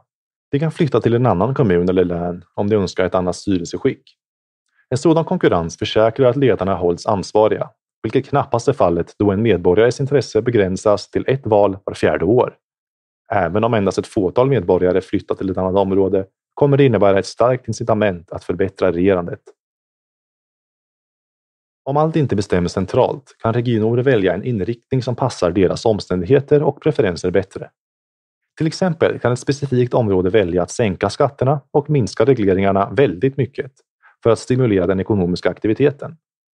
Den amerikanska historikern Thomas E. Woods poängterar att politisk frihet uppstod i Västeuropa just på grund av den fragmentering och differentiering som historiskt rådde där. Många små jurisdiktioner gjorde det möjligt för folk att fly från platser där förtryck rådde till mer liberala platser. Tyranniska ledare tvingades således att tillåta fler friheter. Decentralisering i Schweiz. Schweiz har länge varit ett bevis på att decentralisering fungerar. Folk tror ofta att storlek och centralisering innebär välstånd och andra fördelar. Men Schweiz som varken är medlem i EU eller Nato bevisar motsatsen. Med nästan 8 miljoner invånare har detta land ungefär samma befolkningsmängd som Virginia och dess regering är väldigt decentraliserad. 26 kantoner konkurrerar med varandra och har en stor del självstyre. Kantonerna var en gång i tiden separata, självstyrda stater och vissa hade färre än 50 000 invånare. Dessutom finns det ungefär 2 900 kommuner i Schweiz. Den minsta har ungefär 30 invånare. Detta är betydligt fler än de flesta andra europeiska länder. Större delen av schweiziska inkomstskatterna betalas till kommunen och kantonen och inte till den federala staten. Kommunerna och kantonerna skiljer sig mycket åt beträffande skatter och regleringar och konkurrerar således med varandra om medborgare och företag. Det är givetvis ett välkänt faktum att Schweiz är ett väldigt framgångsrikt land. Det ligger i världstoppen när det gäller förväntad livslängd, sysselsättning, välmående och välstånd. Det är ett av få länder i världen som inte har varit i krig på mer än ett århundrade. Trots existensen av fyra språk, tyska, franska, italienska och rätoromanska, existerar en stor mängd samhällelig harmoni, vilket står i stark kontrast till situationen i Belgien, där konflikterna mellan flamländarna, som talar holländska, och den fransktalande vallonerna alltid hotar att splittra landet. Men medan flamländarna klagar på att de tvingas betala för de fattigare vallonerna har inte schweizarna samma problem, tack vare deras decentraliserade system. Schweiz är såklart en demokrati, men landet har så många och så små demokratiska enheter att det lyckas undvika många av de negativa effekterna som drabbar nationella parlamentariska demokratier. Schweiz visar också på hur möjligheten till utträde minskar konflikter. På 1970-talet tyckte de fransktalande invånarna i kantonen Bern att de inte var välrepresenterade i den huvudsakligen tysktalande delen de bodde i. 1979 trädde så de fransktalande områdena ur och bildade sin egen kanton, Jura. Genom århundraden har dispyter mellan olika etniska grupper och språkgrupper fredligt lösts på detta sätt. Eftersom de schweiziska kantonerna är små kan folket inte bara rösta i valurnan, utan de har också möjlighet att flytta om de inte trivs. På detta sätt driver bra politik ut dålig politik. Detta betyder inte att vi förespråkar den schweiziska modellen som vår ideallösning eller vårt val. Men det är ett exempel som visar på hur ett decentraliserat system skulle kunna fungera och hur det leder till lägre skatter och mer individuell frihet. Vi menar heller inte att demokrati nödvändigtvis är bra så länge det är en liten skala. En demokrati bestående av tre människor är fortfarande fel om ingen kan lämna den. Då kan den ha samma negativa effekter som en demokrati bestående av 10 miljoner invånare. Det som spelar roll är att folk själva tillåts bestämma storleken på de administrativa enheter som de vill leva i och vilken form av regering de har. Det behöver inte vara en demokrati. Liechtenstein, Monaco, Dubai, Hongkong och Singapore är inte parlamentariska demokratier, men de är framgångsrika. Dessa länder visar att det lilla ofta är det vackra. Man kan kanske få för sig att rätten till utträde och självbestämmande leder till konflikt, men det följer inte alls. Tänk på hur den fria marknaden fungerar. Alla har rätten att starta ett företag. Ändå är de allra flesta anställda av företag sådant samarbete gynnar alla involverade parter. Detta gäller för länder också. Folk kan välja att vara självständiga, men de flesta kommer att finna det att det ligger i deras intresse att vara en del av ett samfund. Och de olika samfunden kommer också att finna att det ligger i deras intresse att samarbeta. Självklart kan skalfördelar minska kostnader, men hur stort något bör vara kan endast avgöras om folk är fria att välja. Utträde behöver inte nödvändigtvis leda till fullt administrativt självbestämmande med en gång.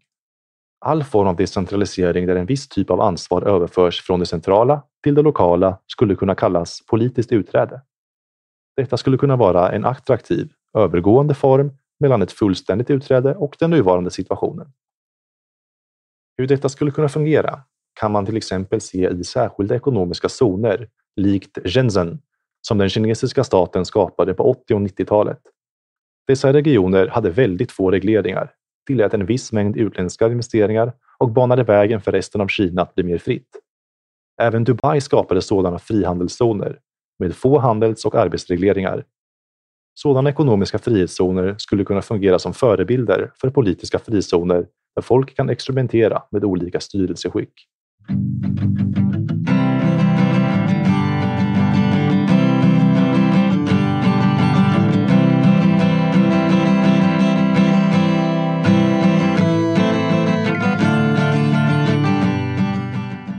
Det kontraktuella samhället.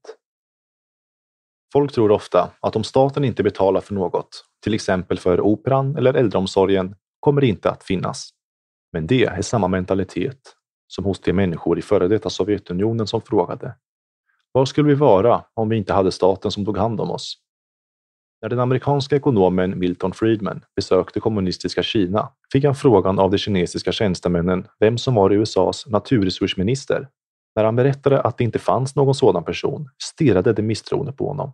De kunde inte föreställa sig att produktion och fördelning av råvaror var möjligt utan statlig kontroll. Förr i tiden kunde folk inte föreställa sig hur livet skulle se ut utan en kung. Kungen förväntades försörja sina undersåtar. Nu för tiden ser vi på staten och demokratin på samma sätt. Idag finner folk det svårt att föreställa sig att medborgarna, innan demokratins ankomst, accepterade kungens auktoritet. Men konstigt nog accepterade majoritetens auktoritet utan problem. Ändå ser vi självorganisation utan tvång eller kontroll uppifrån runt omkring oss varje dag. Ofta i strid med vad vi förväntar oss. Ingen trodde att något så pass anarkistiskt som Wikipedia, det internetbaserade uppslagsverket, var möjligt utan centralstyrning. Men det fungerar. Hela internet är en samling av många separata organisationer, individer och tekniker som arbetar tillsammans utan centralstyrning. I internets begynnelse var det svårt för folk att förstå att det inte hade någon ägare. Att det baserades på individuella och frivilliga överenskommelser mellan tusentals organisationer som var och en endast kontrollerade en liten del av nätverket. Faktum är att vårt ideal om det fria samhället liknar den modell som internet baseras på. På internet gäller endast ett fåtal enkla regler. Resten är öppet för fritt deltagande. Huvudregeln på internet är att man kommunicerar med hjälp av protokollet IP. Med detta som grund tillåts miljontals företag, organisationer och individer att göra sin egen grej. Att sätta upp sina egna domäner, erbjuda sina tjänster och kommunicera på det sätt de vill.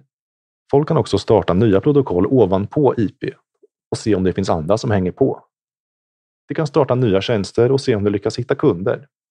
Denna mångfaldhet, frihet och självorganisation på internet har visat sig fungera otroligt bra. På samma sätt är huvudregeln i ett fritt samhälle att inte begå bedrägeri, utföra våldshandlingar eller stjäla.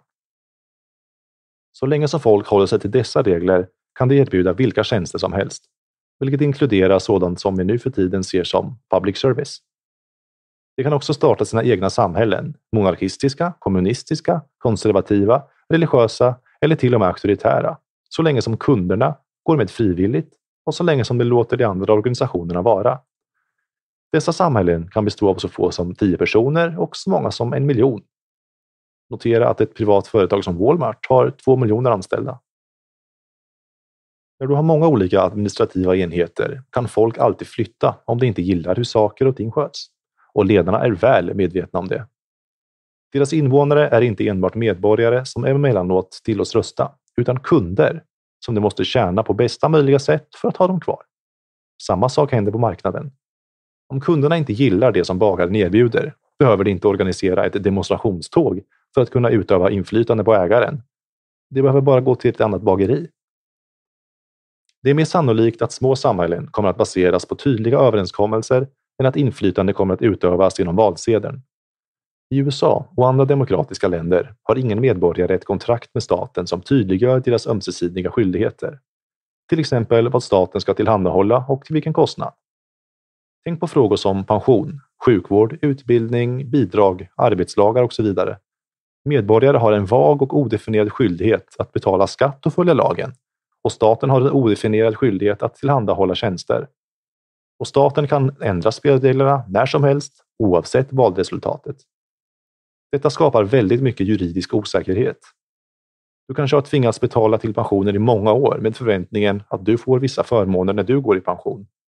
Men staten kan ändra dessa förmåner när som helst med ett penndrag. Eller så kanske du hyr ut ett rum i tron med att du kan säga upp hyreskontraktet vid en viss tidpunkt när staten plötsligt kliver in och bestämmer att helt andra förutsättningar nu gäller beträffande tiden på alla hyreskontrakt. Ett anständigt samhälle är ett samhälle som organiseras på kontraktbasis, där rättigheter respekteras och alla parter vet vad det står. När ledarna inte kan ändra spelreglerna, och dessa kontrakt behöver inte nödvändigtvis vara likadana för alla.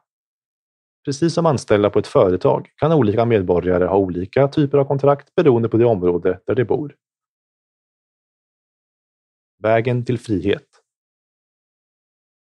Om den tekniska utvecklingen är en indikation på hur framtiden kommer att utveckla sig är utsikterna för decentralisering ljusa. En teknisk uppfinning som bilen ökade folks rörelsefrihet. P-pillret gav folk mer sexuell frihet och kvinnor mer kontroll över sina liv. Internets ankomst satte stopp på den styrande elitens järngrepp över media. Nu kan alla publicera nyheter, skicka ut sina idéer över hela världen eller börja sälja produkter på internet. Faktum är att tekniken är den verkligt demokratiserande kraften. Mycket mer än det demokratiska systemet i sig. Där demokratin ger majoriteten makten över minoriteten tenderar teknik att ge individer makt över sina egna liv. Demokrati tar makt från individer, tekniken ger den till dem. Det är den decentraliserande kraft som kan göra mellanhanden, staten, onödig när det gäller kommunikation, finansverksamhet, utbildning, media och handel. Och eftersom den fria marknaden gör teknik ännu billigare ger det till och med de allra fattigaste en viss kontroll över deras egna öden. Även i Afrika har folk nu för tiden fått nya möjligheter. Inte på grund av bistånd, utan för att datorer och mobiltelefoner blir billigare och billigare. Mänskligheten upplevde alltså enorma framsteg under det föregående århundradet. Inte på grund av demokrati, utan på grund av teknik och privat ägande. Apparater som iPhone, Walkman och PC har fört avancerade tekniska uppfinningar inom individens räckvidd och bidragit till hans frigörelse. Genom tjänster som Facebook kan individen välja vilka sammanslutningar de vill tillhöra, bortom nationsgränser och utan statlig inblandning.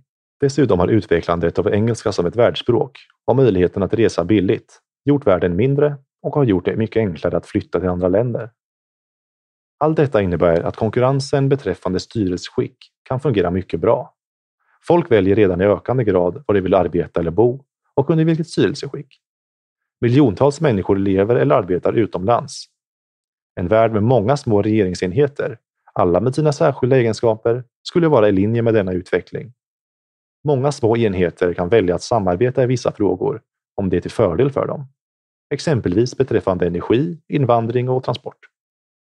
De skulle också kunna samarbeta i försvarsfrågor, vilket skulle vara av vikt om en storstat skulle uppstå och vilja krossa de mindre samhällena. Ekonomiskt framgångsrika och uppfinningsrika samhällen skulle sannolikt hitta smarta sätt att försvara sig mot denna typ av angrepp. Ny teknik ger oss till och med möjligheten att skapa helt nya länder. Sea Steeding Project, som delfinansierats av den tidigare nämnda Patrick Friedman, försöker bygga artificiella öar på internationellt vatten. Dessa HR kan erbjuda alternativ till existerande styrelseskick. För att lyckas uppnå decentralisering måste vårt politiska system radikalt förändras. Men det är inte så svårt att göra som man kanske kan tro. Stora statliga organisationer kan monteras ner. Myndigheter för utbildning, sjukvård, samhälleliga och ekonomiska frågor, lantbruk, utrikesfrågor, bistånd och finans kan avskaffas.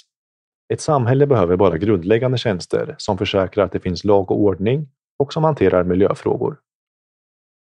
Välfärdsstaten kan konverteras till ett privat försäkringssystem. Detta kommer göra det möjligt för folk att ha frihet och säkerhet. Vi kommer kunna ta ut en försäkring individuellt eller kollektivt genom fackföreningar eller det Den säkerhet som staten utlovar är en falsk säkerhet och är beroende av politiska infall. Detta måste få ett slut. Omsorg av de fattiga och behövande kan skötas lokalt. Statens kontroll över vårt finansiella system borde avskaffas så att stater inte längre kan förstöra värdet på våra pengar och orsaka artificiella högkonjunkturer och recessioner. På detta sätt kommer en rättvis internationell finansmarknad att skapas som inte längre kan manipuleras av mäktiga stater eller statsrelaterade institutioner. Kort sagt måste den gigantiska demokratiska nationalstaten flytta på sig för mindre politiska enheter där medborgarna själva kan välja hur de vill forma sitt samhälle. Var helst det är möjligt borde alla frågor bestämmas på den lägsta lokala nivån. Om det innebär slutet för EU, så mycket bättre. Politiker i Europa älskar att utmåla domedagsscenarior beträffande vad som skulle hända om EU föll samman. Men länder som Norge och Schweiz har aldrig varit med i EU och de klarar sig väldigt bra på egen hand. Det hävdas ibland att EU säkerställer frihandel för medlemsstaterna. Om det var det enda som EU gjorde skulle det såklart vara bra. Men faktum är att EU gör så mycket mer. Den inre marknaden som Bryssel har skapat har inget att göra med ekonomisk frihet utan raka motsatsen. EU flödar bokstavligen talat över av lagar och regleringar som förhindrar den ekonomiska friheten. Den är den superstat under konstruktion som kommer att förstöra medborgarnas och företagens frihet. EU representerar decentraliseringens motsats. Den är ett typiskt exempel på centralisering, en ohållbar byråkratisk ångvält. För individuell frihet är ännu mer hotad än i nationell demokrati. Ju tidigare den avskaffas, desto bättre. En ljus framtid. På många sätt går vi en ljus framtid till mötes. Mänskligheten har samlat på sig oerhörd mängd kunskap och en omfattande produktionskapacitet. Mer än tillräckligt för att skapa välstånd för hela jordens befolkning. Dessutom finns det nu, efter 1900-talets blodiga kommunistiska och fascistiska regimers kollaps, en världsomspännande trend mot frihet. Stora grupper har fått mer personlig och ekonomisk frihet, vilket leder till mer välstånd och välmående. Andra gör uppror mot diktaturer och kräver ännu mer frihet. Det finns gott om orsaker till att tro att denna trend kommer fortsätta. Det är kanske svårt att föreställa sig ett liv utan den demokratiska nationalstaten. Men liknande radikala förändringar har skett i det förflutna. Precis som Linda och Morris Tannehill skrev i deras klassiska libertarianska och antidemokratiska bok The Market of Liberty från 1970. Föreställ dig en träl, bunden till den mark han föddes på och den samhällsposition han föddes upp i. Arbetandes med primitiva verktyg från soluppgång till solnedgång för sitt uppehälle, vilket han måste dela med godsherren. Hans sinne är fullt av rädslor och vidskepelser. Föreställ dig att du försöker berätta för honom om 1900-talets samhällsstruktur i USA. Det skulle förmodligen vara väldigt svårt att övertala honom om att en sådan samhällsstruktur ens var möjlig eftersom han skulle tolka allt du sa på basis av sin egen samhällsförståelse. Han skulle låta dig veta, säkert med en överlägsen attityd, att om inte varje individ som föddes in i ett samhälle hade en särskild och fast plats i hierarkin skulle samhället snabbt förfalla i ett kaos. På samma sätt är det om man försöker berätta för en person på 1900-talet att staten är ondskefull och därför onödig. Och att vi skulle ha ett långt bättre samhälle om vi inte hade någon stat alls. Sannolikt skulle det ge upphov till en artig skepticism. Speciellt om personen inte var van vid att tänka självständigt. Det är alltid svårt att föreställa sig hur ett helt annorlunda samhälle skulle kunna fungera. Och speciellt ett mycket mer avancerat samhälle. Detta har att göra med att vi är så vana vid vår egen samhällsstruktur att vi automatiskt ser på varje aspekt av det avancerade samhället med vårt eget samhälles glasögon, vilket förvränger bilden bortom meningslöshet. Vi tror att nationalstaten och den demokrati som hör den till är ett fenomen som tillhör 1900-talet, inte 2000-talet. Vägen till självständighet och egenmakt kommer att fortsätta, men den kommer inte att leda genom stora demokratier. Vägen kommer att gå genom decentralisering och organisationen av människor i mindre administrativa enheter som människorna själva har skapat. Vissa kanske hävdar att de flesta människor inte är kapabla att vara fria att de inte är ansvarsfulla nog eller har tillräckligt med vilja att leva oberoende liv. Att de måste regeras över för sitt eget bästa. Men detta är samma argument som användes mot slaveriets avskaffande eller kvinnornas frigörelse. Slaveriet borde inte avskaffas, hävdades det, eftersom de svarta inte skulle klara av att ta hand om sig själva. Och dessutom vill ju de flesta av dem ändå inte ha frihet. Kvinnor borde inte ha lika rättigheter, påstods det, eftersom de inte klarade av att tjäna sitt eget uppehälle eller klara av de krav som ett oberoende liv innebar. Men verkligheten bevisade motsatsen. Det kommer att vara likadant när den demokratiska välfärdsstaten avskaffas. Folk kommer visa sig vara förvånansvärt självständiga så fort de får chansen. Självklart kommer de inte att bestämma sig för att leva i avskildhet, utan de kommer att organisera sig i grupper som de själva valt. I företag, klubbar, fackföreningar, associationer, samhällen och familjer. Befriade från byråkratins och den demokratiska majoritetsregelns förslöande kontroll kommer det att förändra världen på sätt som vi idag inte kan förutse. Som Linda och Morris Tannehill uttryckte det. Många av de icke önskvärda tillstånd som folk idag tar för givet skulle vara annorlunda i ett samhälle som inte led under en stat. De flesta av dessa skillnader skulle komma från en marknad som befriats från statskontrollens döda hand vare sig det rör sig om fascism eller socialism och som således skulle vara kapabel att skapa en hälsosam ekonomi och en väldigt mycket högre levnadsstandard för oss alla. Det är dags för folk att vakna upp till det faktum att demokrati inte leder till frihet eller självständighet. Demokrati löser inte konflikter och den släpper inte lös produktiva eller kreativa krafter utan snarare raka motsatsen. Demokrati leder till antagonism och restriktioner Demokratins centraliserande och tvingande aspekter resulterar i organiserat kaos. medan individuell frihet och den oorganiserade marknadens dynamik skapar spontan ordning och välstånd. Personligen föredrar folk frihet över tvång. De föredrar att ha ett direkt val på den fria marknaden över att indikera sina preferenser via valsedeln. Finns det någon som skulle föredra att staten valde bil åt dem istället för dem själva?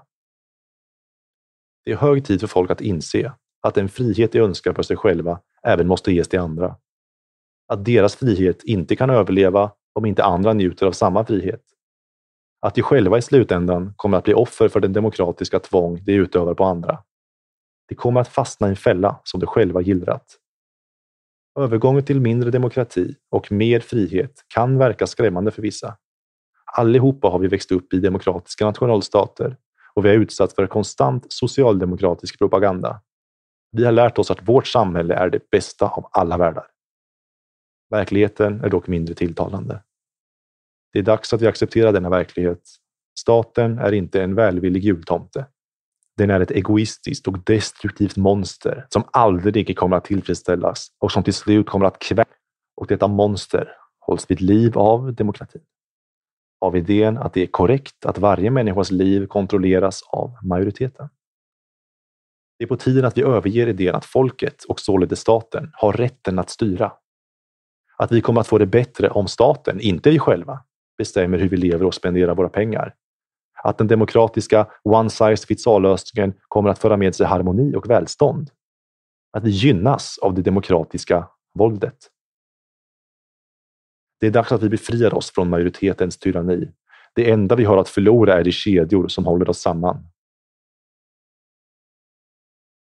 Postscript. Libertarianism och demokrati. Vår kritik av demokrati skrevs från ett libertarianskt perspektiv. Libertarianism är en politisk filosofi som baseras på självägande, det vill säga varje individs rätt till sin egen kropp och sitt eget liv och således till frukterna av sitt arbete. Alternativet till detta är att vissa människor bestämmer över andra människors liv och arbete. Eller, men detta är högst orealistiskt, att alla bestämmer över alla andra.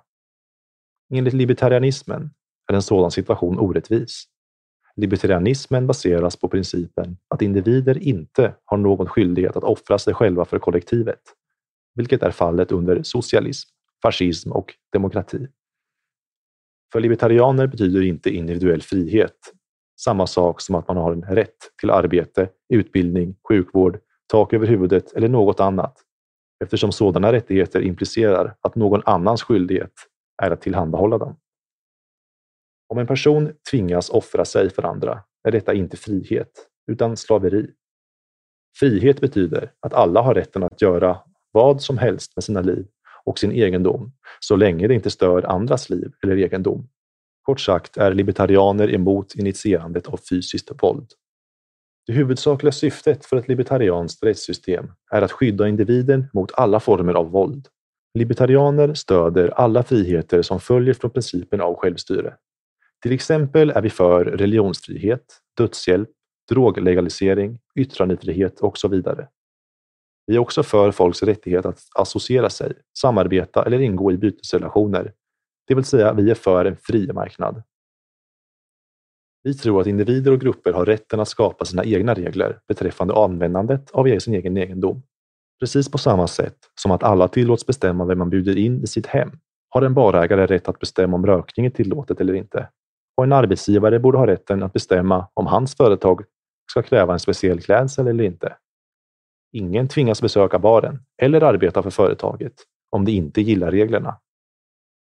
Av denna anledning är libertarianism emot alla antidiskrimineringslagar. Sådana lagar är inkompatibla med föreningsfriheten.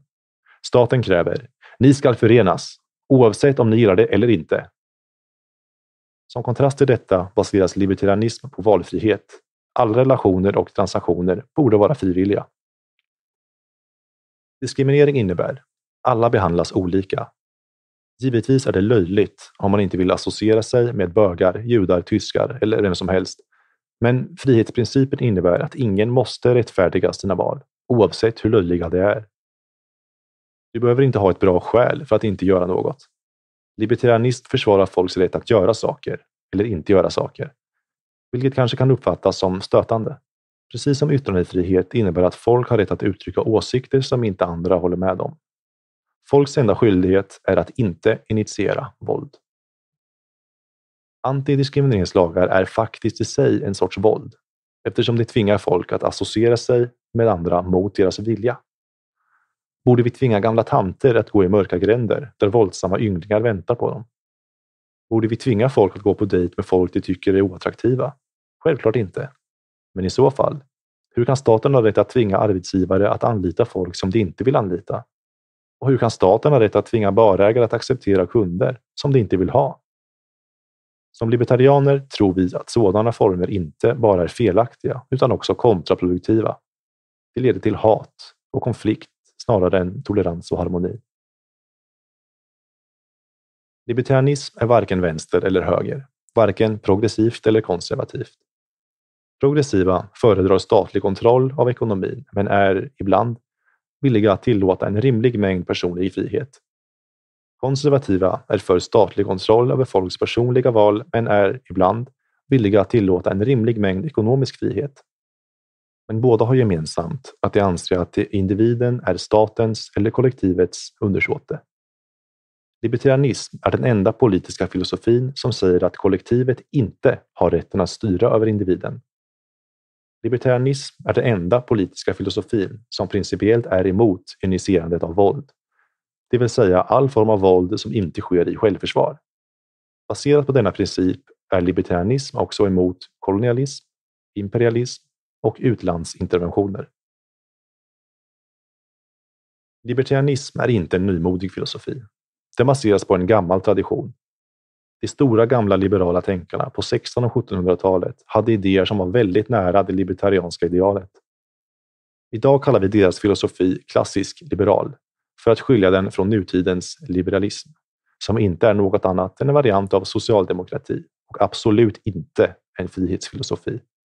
På 18 och 1900-talet försvarades libertarianismen av ett antal anarkokapitalister och en grupp av klassiskt liberala ekonomer, särskilt från Österrike. Ett nutida akademiskt hem för libertarianism i USA är Mises-institutet, som döptes efter den stora österrikiska marknadsliberala ekonomen Ludwig von Mises. 1974 vann Friedrich Hayek, som var en av Mises studenter, ekonomipriset i Nobels minne. Den mest välkände libertarianska tänkaren på 1900-talet var en annan av Mises studenter, den amerikanske ekonomen och intellektuella Murray Rothbard. Hans bok For a New Liberty är förmodligen fortfarande den bästa introduktionen till libertarianism som finns. Men Mises och Rothbard producerade aldrig en rigorös analys av demokratin. Den första libertarianska tänkaren som gjorde det var den tyske ekonomen Hans Hermann Hoppe.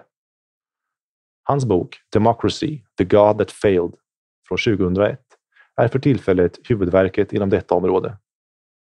På sistone, delvis tack vare Hopps arbete, har analyser av demokrati blivit vanligare bland libertarianska författare. Men det mesta av deras kritik kan hittas i artiklar som publicerats i diverse tidningar eller på libertarianska hemsidor som mises.org.